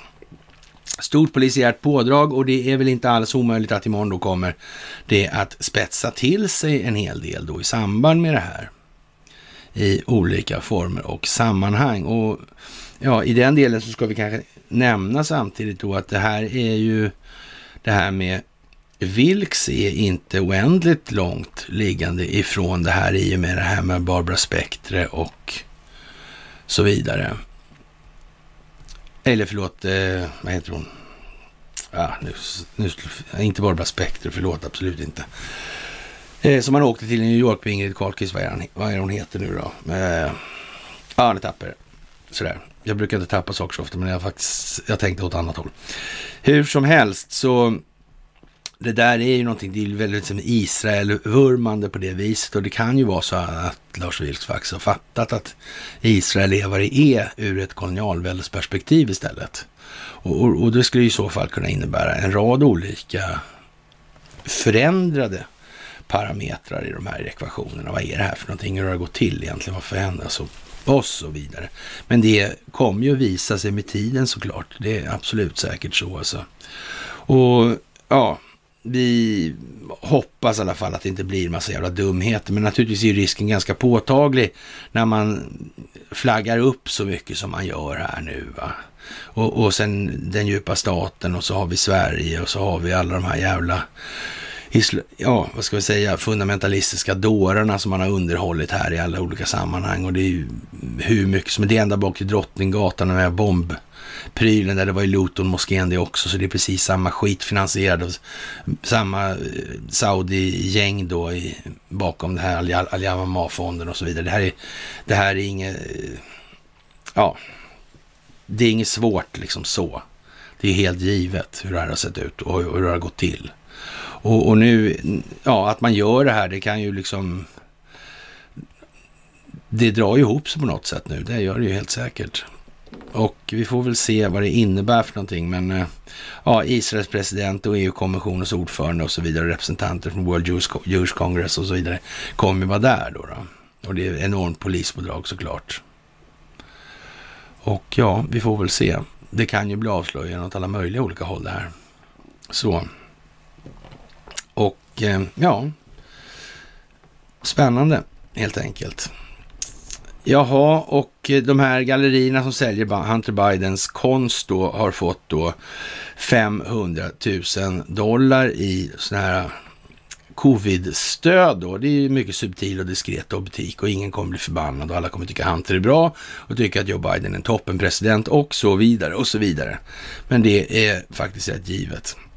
Jaha, och eh, Arizona-representanten Mark Fincham, då, ja, 34 eller 35 000 fiktiva röster ja, finns det som vi har hittat då.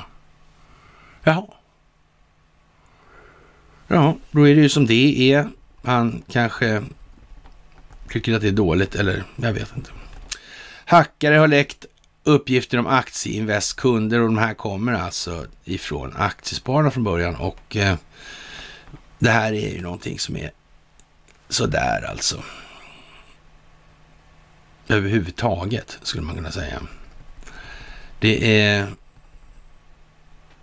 Ja, det skulle kunna innefatta namn, personnummer, kontaktinformation, men inte minst historisk information om kundernas ekonomi och finanser.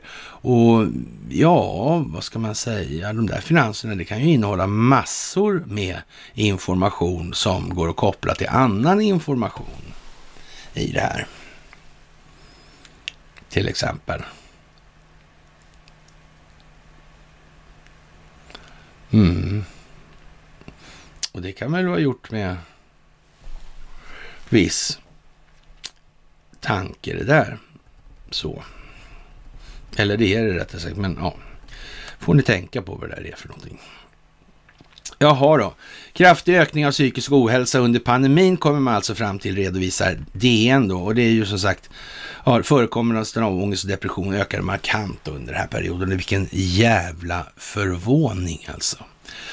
Ja, som en total överraskning i tider av oundviklig självbildsrevision. Verkligen förvånande. Samt, nej, det beror inte på covid-19 då. Nej, det gör ju inte det, utan det beror på hur våra egna känslogrunder och värderingar ser ut och de kommer på skam i ljuset av verkligheten nu. Det är det som gör det. Det blir tomt. Det gamla är inte roligt längre. Det är meningslöst. Det finns ingen mening med det. Det kommer aldrig bli någon mening med det där igen på det viset.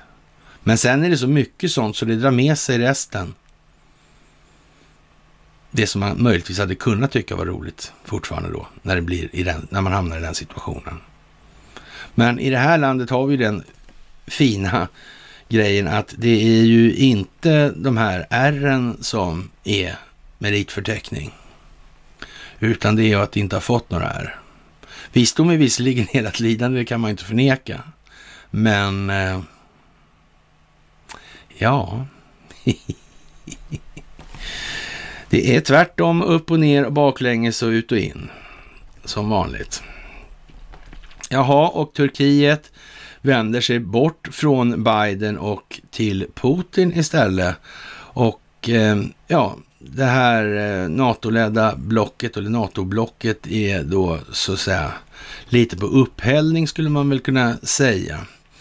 Och eh, man beskriver det numera i rt.com också. Och ja, jag vet inte, jag tror vi har sagt lite om det här med NATO och EU faktiskt, vad ska hända med dem? Och, och det kommer nu på bred front här och jag eh, låter fan för självgod om jag sitter, vad var det vi sa varit, så det blir inget med det helt enkelt. Det är bara att konstatera att det blir så.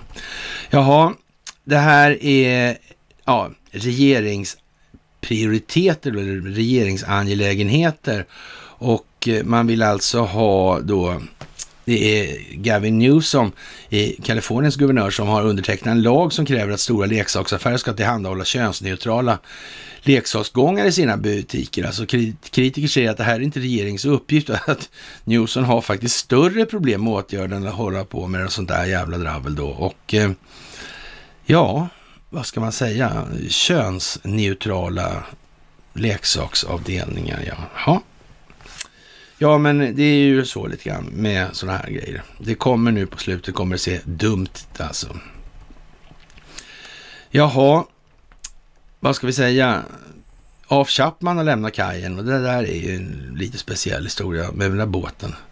Och, och, ja, den har alltid legat där och det har, den har nog saker att berätta helt enkelt. Det har ju strykit så mycket saker runt den här båten så det liknar ju för fan ingenting alltså. Spännande. Nu ska hon till Beckholmsvarvet i alla fall. Mm.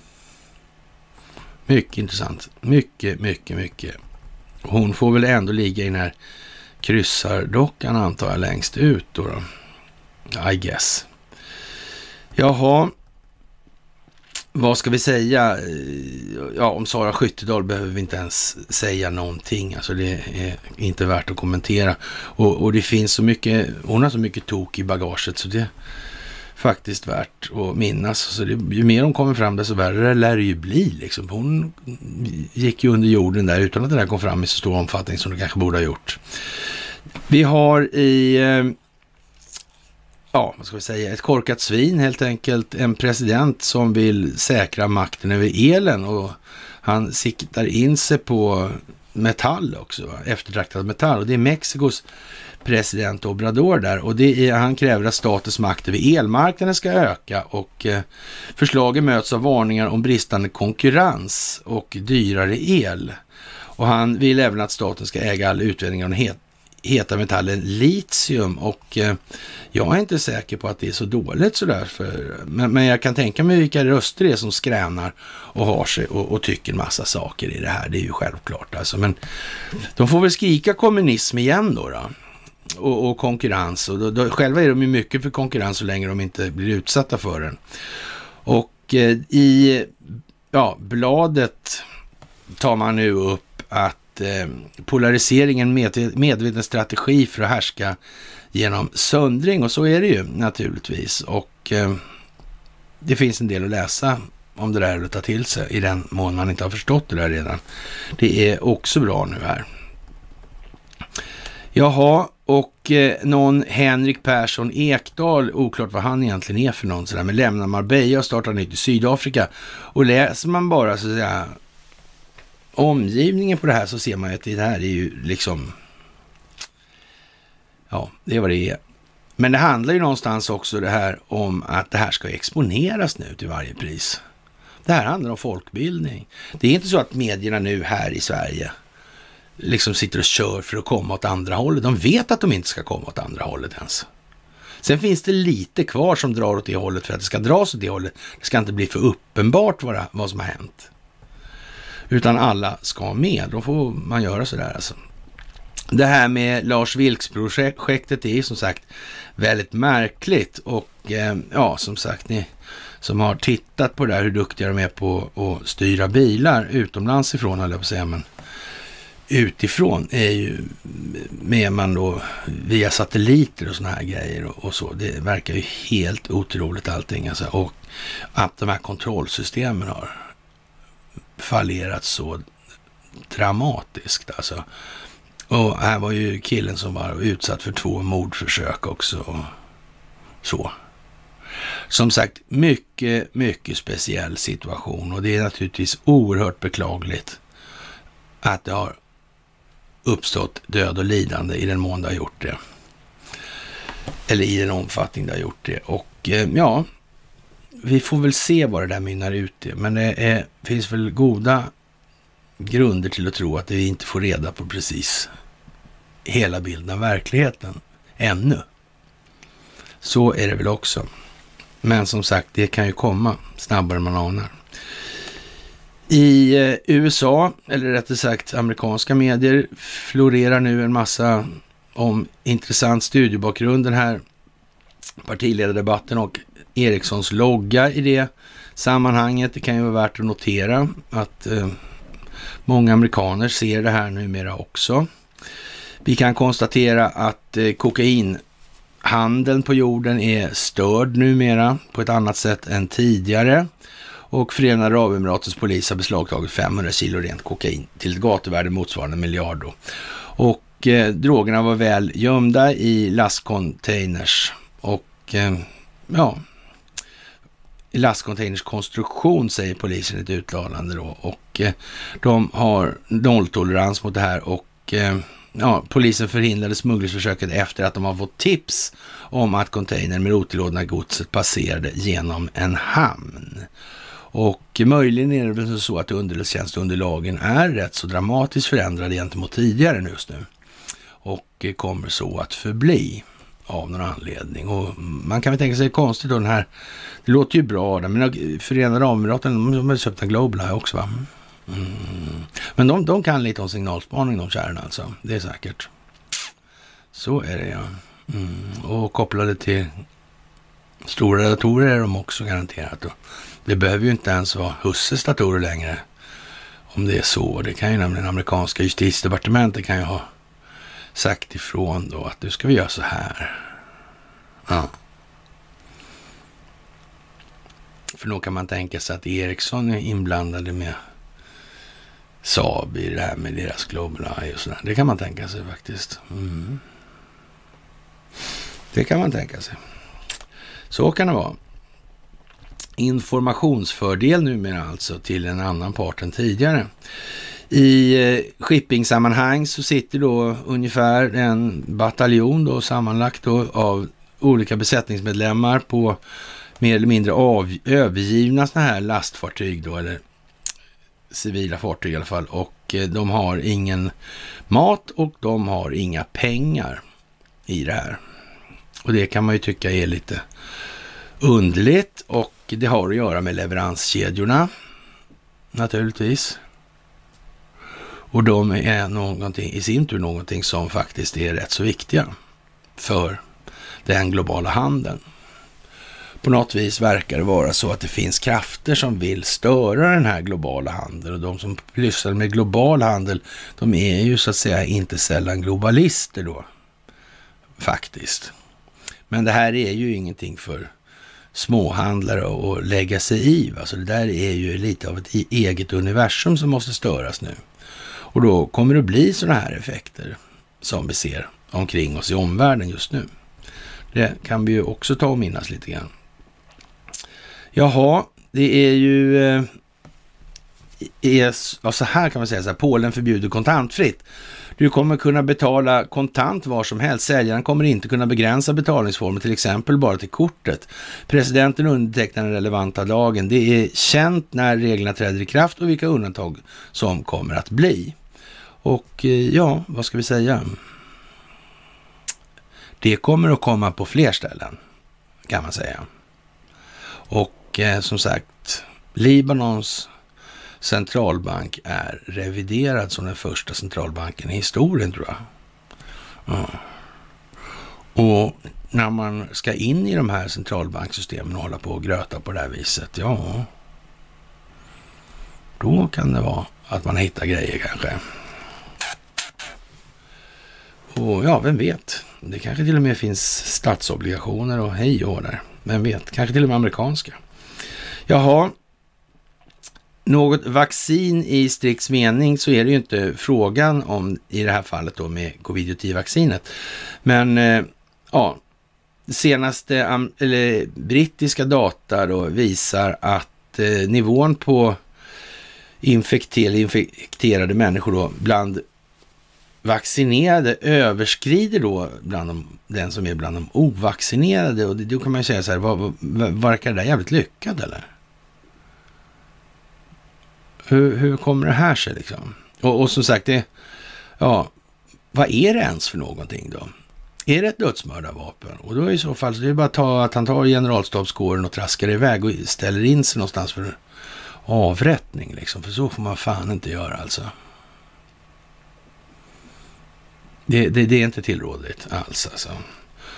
Ja, det här är ju lite speciellt får man säga och många är ju hårt inpantade i den ena eller andra versionen i de här sammanhangen. Att det dör folk, det är inget snack, men det har det märkligt nog gjort tidigare också. Och eh, ja, vad ska man med det här till då? Man ska, man ska då vi, vi säger att vi har fattat att det är någonting speciellt med det här. Då kan man säga så här, då, efter fem dagars kur av Mercks nya covid-19-piller som kostar 17,74 dollar alltså och producera. Men läkemedelsbolaget kommer ta ut då 712 dollar i USA med skattebetalarna med notan då. Läkare utan gränsers Lena Mengani, Menghaini berättade för RT att generisk pillerproduktion är svaret alltså. Och det är ju som sagt det här med enskilda nyttomaximeringsintressen. Och vad, vad, blir det för någonting? Ja, det blir ju politik då för att åstadkomma så, så gynnsamma förhållanden som möjligt för att kunna tjäna så mycket som möjligt. Och sen om det innebär död och lidande så må det ju vara så efter ett tag. Det är ju det är en prislapp man får betala helt enkelt. Och inget annat. Och man får ju vara jävligt naiv om man inte begriper det här nu. Och ja, och om man då skulle göra en sån här grej då som man, man säger, då, man, man gör något dödsmördarvax här nu då. I, i, hur tänker man då ur det här nyttomaximeringsperspektivet för hur liksom var det tänkt då? Eller den här befolkningsreduktionen eller? Eller frimurarna eller, eller bla bla bla liksom. Och så vidare och så vidare. Ja, men ni vet ju det. Sådär, och eh, ja. Gårdagens partiledardebatt gick verkligen i takt med det globala folkbildningsprojektet. Ingen kunde missa fingerpekandet och det kan man ju säga, ja, det, det, är ju vad det är här. Va? Det, det, är ingen som pratar om några verkliga problem överhuvudtaget. Där. Det är ju som, det är bara patetiskt. Och eh, den som inte har fattat nu då liksom att röstning i det här genomkommande systemet gynnar någon annan part än den djupa staten kommer alldeles snart få erfara att, att självbildsrevisionen och självrannsakan det kommer krävas mer än vad de vill alltså. Det här kommer inte bli roligt alls för många. Det där är, nu är det fan med bortom löjligt att behöva se då den här tralljöken Bolund och Jimsam Vimsam där liksom med Ja, det, alltså- det, det, står till och med i tidningarna då dagen efter då, alltså att, ja, ja inte pinsamt dålig teater, men nästan alltså sådär så att, ja. Då kommer vi till lite mera om centralbankerna då och det är ju lite eh, eljest nästan va? Så ja, det här är ju inte någonting som man eh, så att säga glömmer i brårasket. Så här. Vi börjar med att skriva så här. Då. Enskilda banken åtog sig att sköta Riksbanken och annat om det behövdes. Det var Tede Palm som sa det en gång i tiden. Faktiskt. Angående familjen Wallenberg. Ja, så vi skriver så här att nu är det ta med fan dags för guldregn över stan när det har droppat klart ut i Norrström. Det är alltså en liten anspelning på ja, med, ja guldregn över stan-låten alltså då. Och den textraden som droppade på, regnade på City, the City of London då. Och det här är ju en sån grej som kommer upp nu i samband med de här eh, Pandora-papperna att det är ju faktiskt så här, alltså det är City of London, man säger London då, men det, det är faktiskt City of London som det här skiter sig för. Därför det är City of London som är så beroende av, och de här bankerna som är då offshorebankerna som är så beroende av det här. Och regnar det på city så droppar det ut i Norrström. Och Norrström det är i Stockholm alltså. Vår stockholmska tarsarna, morsan och farsan fått bil, det är klart det. För regnar det på Fons droppar det på Pettersson. Mm, det är Volvo alltså. Sådär, jag rullar dit det lutar.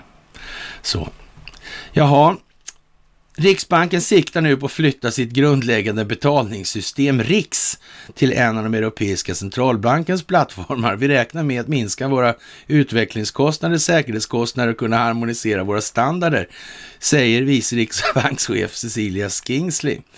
Och eh, ja, det kan man ju säga. Man skulle kunna säga att vi räknar med att minska vårt inflytande och inte längre få bestämma allting, skulle man kunna säga också faktiskt. Mm, det kan man säga. Och sen har vi då skrivit då de här, ja, lite bakgrundskopplingar då att genom rapporten från Försvarets underrättelsenämnd, FUN, då, som lades fram 2 september 98 framkom att det var LO, SAF och Försvar som låg bakom informationsbyrån IB-affären, alltså IB. För första gången redogjorde IB-chefen Birger Elmer för, om IBs uppkomst och verksamhet och det framgick bland annat och då att Gunnar Sträng uppmanade Elmer att hålla kontakt med Marcus Wallenberg. Två av Wallenbergs direktörer arbetar vid underrättelsetjänst. Idag vet vi att embryot till IBys hjärntvättande inrikesverksamhet startades i början på 50-talet, alltså precis i samband med, start, eh, ja, med att det kalla kriget startade då. Och eh, Ja, verksamheten pågick kontinuerligt fram till B-kontorets start 57. IB bildades 65 genom en sammanslagning av den hemliga militära underrättelsetjänsten, tidigare benämnt T-kontoret med Tede Palm och I-kontoret. Och den över försvarslagen finansierade hemliga säkerhetstjänsten SAPO. Vi vet genom Teder Palms anteckningar en del om Jacob Wallenbergs roll. Teder Palm skriver följande i sina anteckningar. om Teder Palms relation till Marcus Wallenberg skriver han så här då alltså. Enskilda banken åtog sig att sköta Riksbanken och annat om det behövdes. Ja, jag kände inte Marcus Wallenberg då han träffade mig första gången och jag kan förstå att jag verkar obekant. Dit kunde jag helt enkelt inte skicka någon annan. Han ordnade också, utan att jag bett om det, en direktör som tog sig an mig när jag ville. Vid några få tillfällen behövde jag träffa en vd i något företag. Det kunde röra sig om personfrågor. Det var enkelt att få både tid och gott resultat. Men det var uteslutet att skicka någon annan. Jag måste göra ett sånt själv. Ja, vad ska vi säga? Det är massa som här och jag har skrivit massa längre så här, men vi behöver inte ta det nu. Det är faktiskt, eh, ja, man kan säga så här också, 1921 blev en annan bror, Axel Wallenberg, Sveriges minister i Washington, Marcus Häradshövdingen, spelade bridge med Per Albin Hansson i Amaryllisklubben. Sonen Marcus Dodde spelade regelbundet tennis, först med Gust kung Gustav V och sedan med Gustav VI Adolf. Wallenberg har i alla år haft god kontakt med utrikesdepartementet och militären. Och eh, de har varit med och finansierat det mesta som Saltsjöbaden, Saltsjöbadsbanan som krävde att man byggde en tunnel genom Stadsgårdsberget, Atlasområdet, Operan, Stadshuset på senare år har eh, finansierat Operakällan och Rish och Stallmästargården i Stockholm och så vidare och så vidare. Och, så där. och ja, jag vet inte. Kan det spela någon roll det här kanske? Eller betyder det ingenting? Nej, men det är som sagt, det här är inte lätt för resten av jorden att känna till. Och eh, som sagt, nu har herr Knutsson varit i farten då på SVT och analys alltså. Nu är SD-ledaren Jimmy Åkesson definitivt en i gänget och då kan vi säga, då är det äntligen då klart och öppet konstaterat att hormedierna eller av hormedierna Jim en del av den, den invest, Investorskyddande floskeltombolan i horhuset Rosenbad. Det är väl ingenting att be för helt enkelt. Det kan väl vi konstatera. Och de som fortfarande tror annat får väl göra det så länge de nu finner, lämp finner det lämpligt då. Vi har en annan eh, liten detalj här att eh, det är ju det här med att saker är hemliga och sen blir de militärt hemliga och sen blir de immaterialrättsliga tillgångar. Och vi behöver hitta en exakt roll det här handlar om en ny förstärkare man säger att man har upptäckt och när man säger att man har upptäckt den så är det som det är naturligtvis. Ja, vi behöver hitta, behöver hitta en exakt roll. Till en början kommer vi att försöka öka prestanda och testa förstärkaren i olika sammanhang med telekommunikation. Därför kan vi planera försök för försök vid atmosfärmätningar och faktiskt se om den kan fungera i en optisk kvantdator. Och eh, ja, kvantdator är en slags superdator som det experimenteras med på flera håll runt om i världen, bland annat just på Chalmers. De byggs upp på ett annat sätt än vanliga binära datorer och är i vissa fall överlägsna superdatorerna, men har inte kommit riktigt lika långt i utvecklingen ännu. Och som sagt, först är saker hemliga, sen är de militärt hemliga och sen blir de immaterialrättsliga tillgångar. Så i den ordningen, och så får man fundera själv vad det var jag sa nu här. Polska massprotester mot en fientlig dom, EU-fientlig dom, och det kan man ju tycka är lite speciellt. Det är regnbågsrevolutionärerna som är ute och skriker med sina EU-flaggor då naturligtvis. Regnbågsrevolutionärerna är ju lite förtvivlade nu. De ser att det skiter sig för EU och NATO kan de inte göra så mycket åt. Den hårda militära verksamheten går inte runt och springa runt med flaggor och demonstrera på stan om att få behålla. Det går ju inte. Det går, så kan man inte ens lura svenska människor som tror att kapitalism är någon bra grej som har funkat på många platser någonsin. Ja, överhuvudtaget. Jaha, allt är planerat och det handlar som sagt om kvantdatorer. Kina kommer att dominera världen genom sina framsteg inom AI och annan framväxande teknik och USA har redan missat chansen att förhindra det här har Pentagons nyligen avgångne programchef sagt. Vi har ingen konkurrerande chans mot Kina på 15 till 20 år. Just nu är det redan en färdig affär och eh, det är redan över enligt min mening, säger Niklas Ceylan till Financial Times i sin första intervju sedan hans chockerande avgång förra månaden. Och eh, ja, han tyckte det gick lite segt alltså. Oavsett om det krävs ett krig eller inte är anekdotiskt.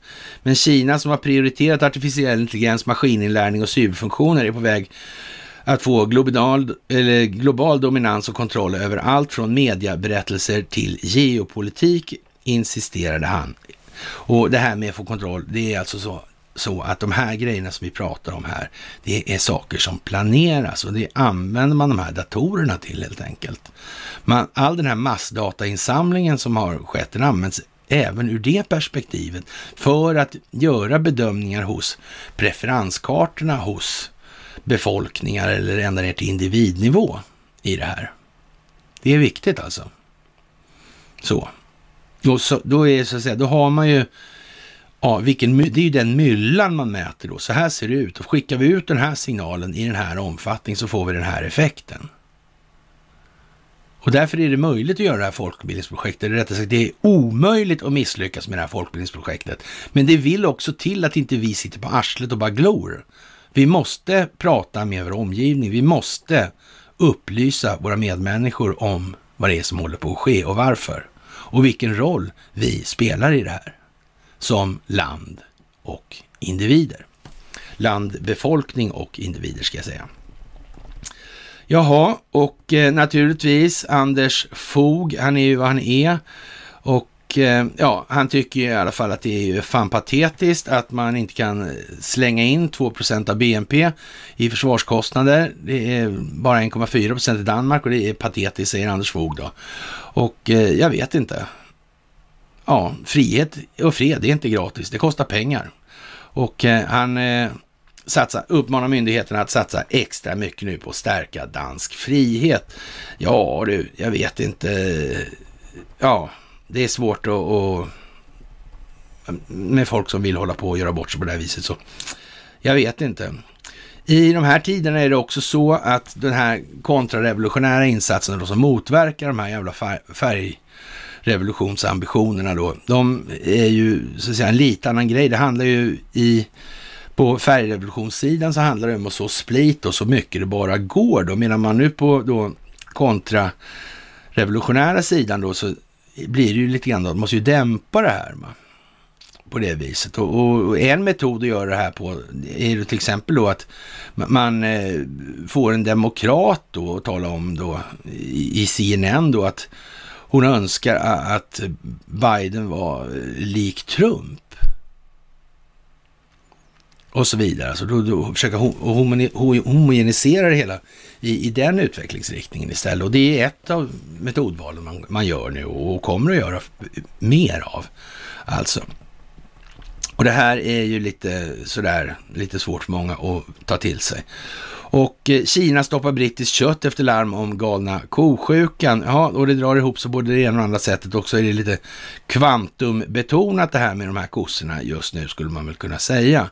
Och eh, ja, hur mycket behöver vi köra kors och tvärs över planeten egentligen bara för att tjäna pengar åt de här företagen? Vi kanske skulle spara på något annat om vi inte gjorde det.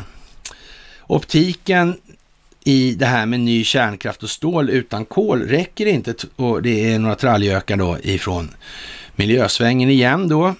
Som, ja, vad ska man säga, på, på, med begränsad seriositet för fram sina argument helt enkelt. Och eh, dessutom har en rolig bildsättning då på då dels statsministern Stefan Löfven och dels Ulf Kristersson då. Och eh, jag vet inte det där alltså, egentligen. Vad, alltså, det där är ju någonting som gör miljörörelsen enorm skada, inte det där för mycket, men det är klart, det är, visst, jag fattar att det är någon som har räknat ut att det är så där mycket, men jag tycker det verkar helt, det är överdumt alltså, igen. Eller också överskattar jag det allmänna, kan ju vara så också. Så kan det ju vara. Facebook hur som helst blockerar australiensare från användare då för att titta och dela nyheter. Som sagt, det är inte bara i Norrland vi har ett Indien, eller det finns ju kronkolonier också. Och där är utbildningsbehovet, eller folkbildningsbehovet, vad det är. Det ska man också veta. Och det ska man inte glömma bort i det här. Och Eh, det kommer ju bli en enorm dramatik och det är fantastiskt det här att få göra det här tillsammans med er. Ni är för jävla bra helt enkelt. Helt otroligt roligt, tycker jag. Ni ska ha stort tack för gåvor på Swish och Patreon. Ni ska ha tack för att ni hänger på den här kanalen och gör den till vad den är. Och ni ska ha tack för att ni fördjupar er och blir bättre och bättre och bättre hela tiden. Det är fantastiskt att se den utvecklingen. Helt otroligt roligt är det. Faktiskt. Det är kul som fan. Med det, kära vänner, så ja, så önskar vi varann en trevlig måndag och så hörs vi väl då på onsdag om det inte blir alldeles för jävla rörigt med någonting som det här i Malmö till exempel. Det skulle ju kunna bli så.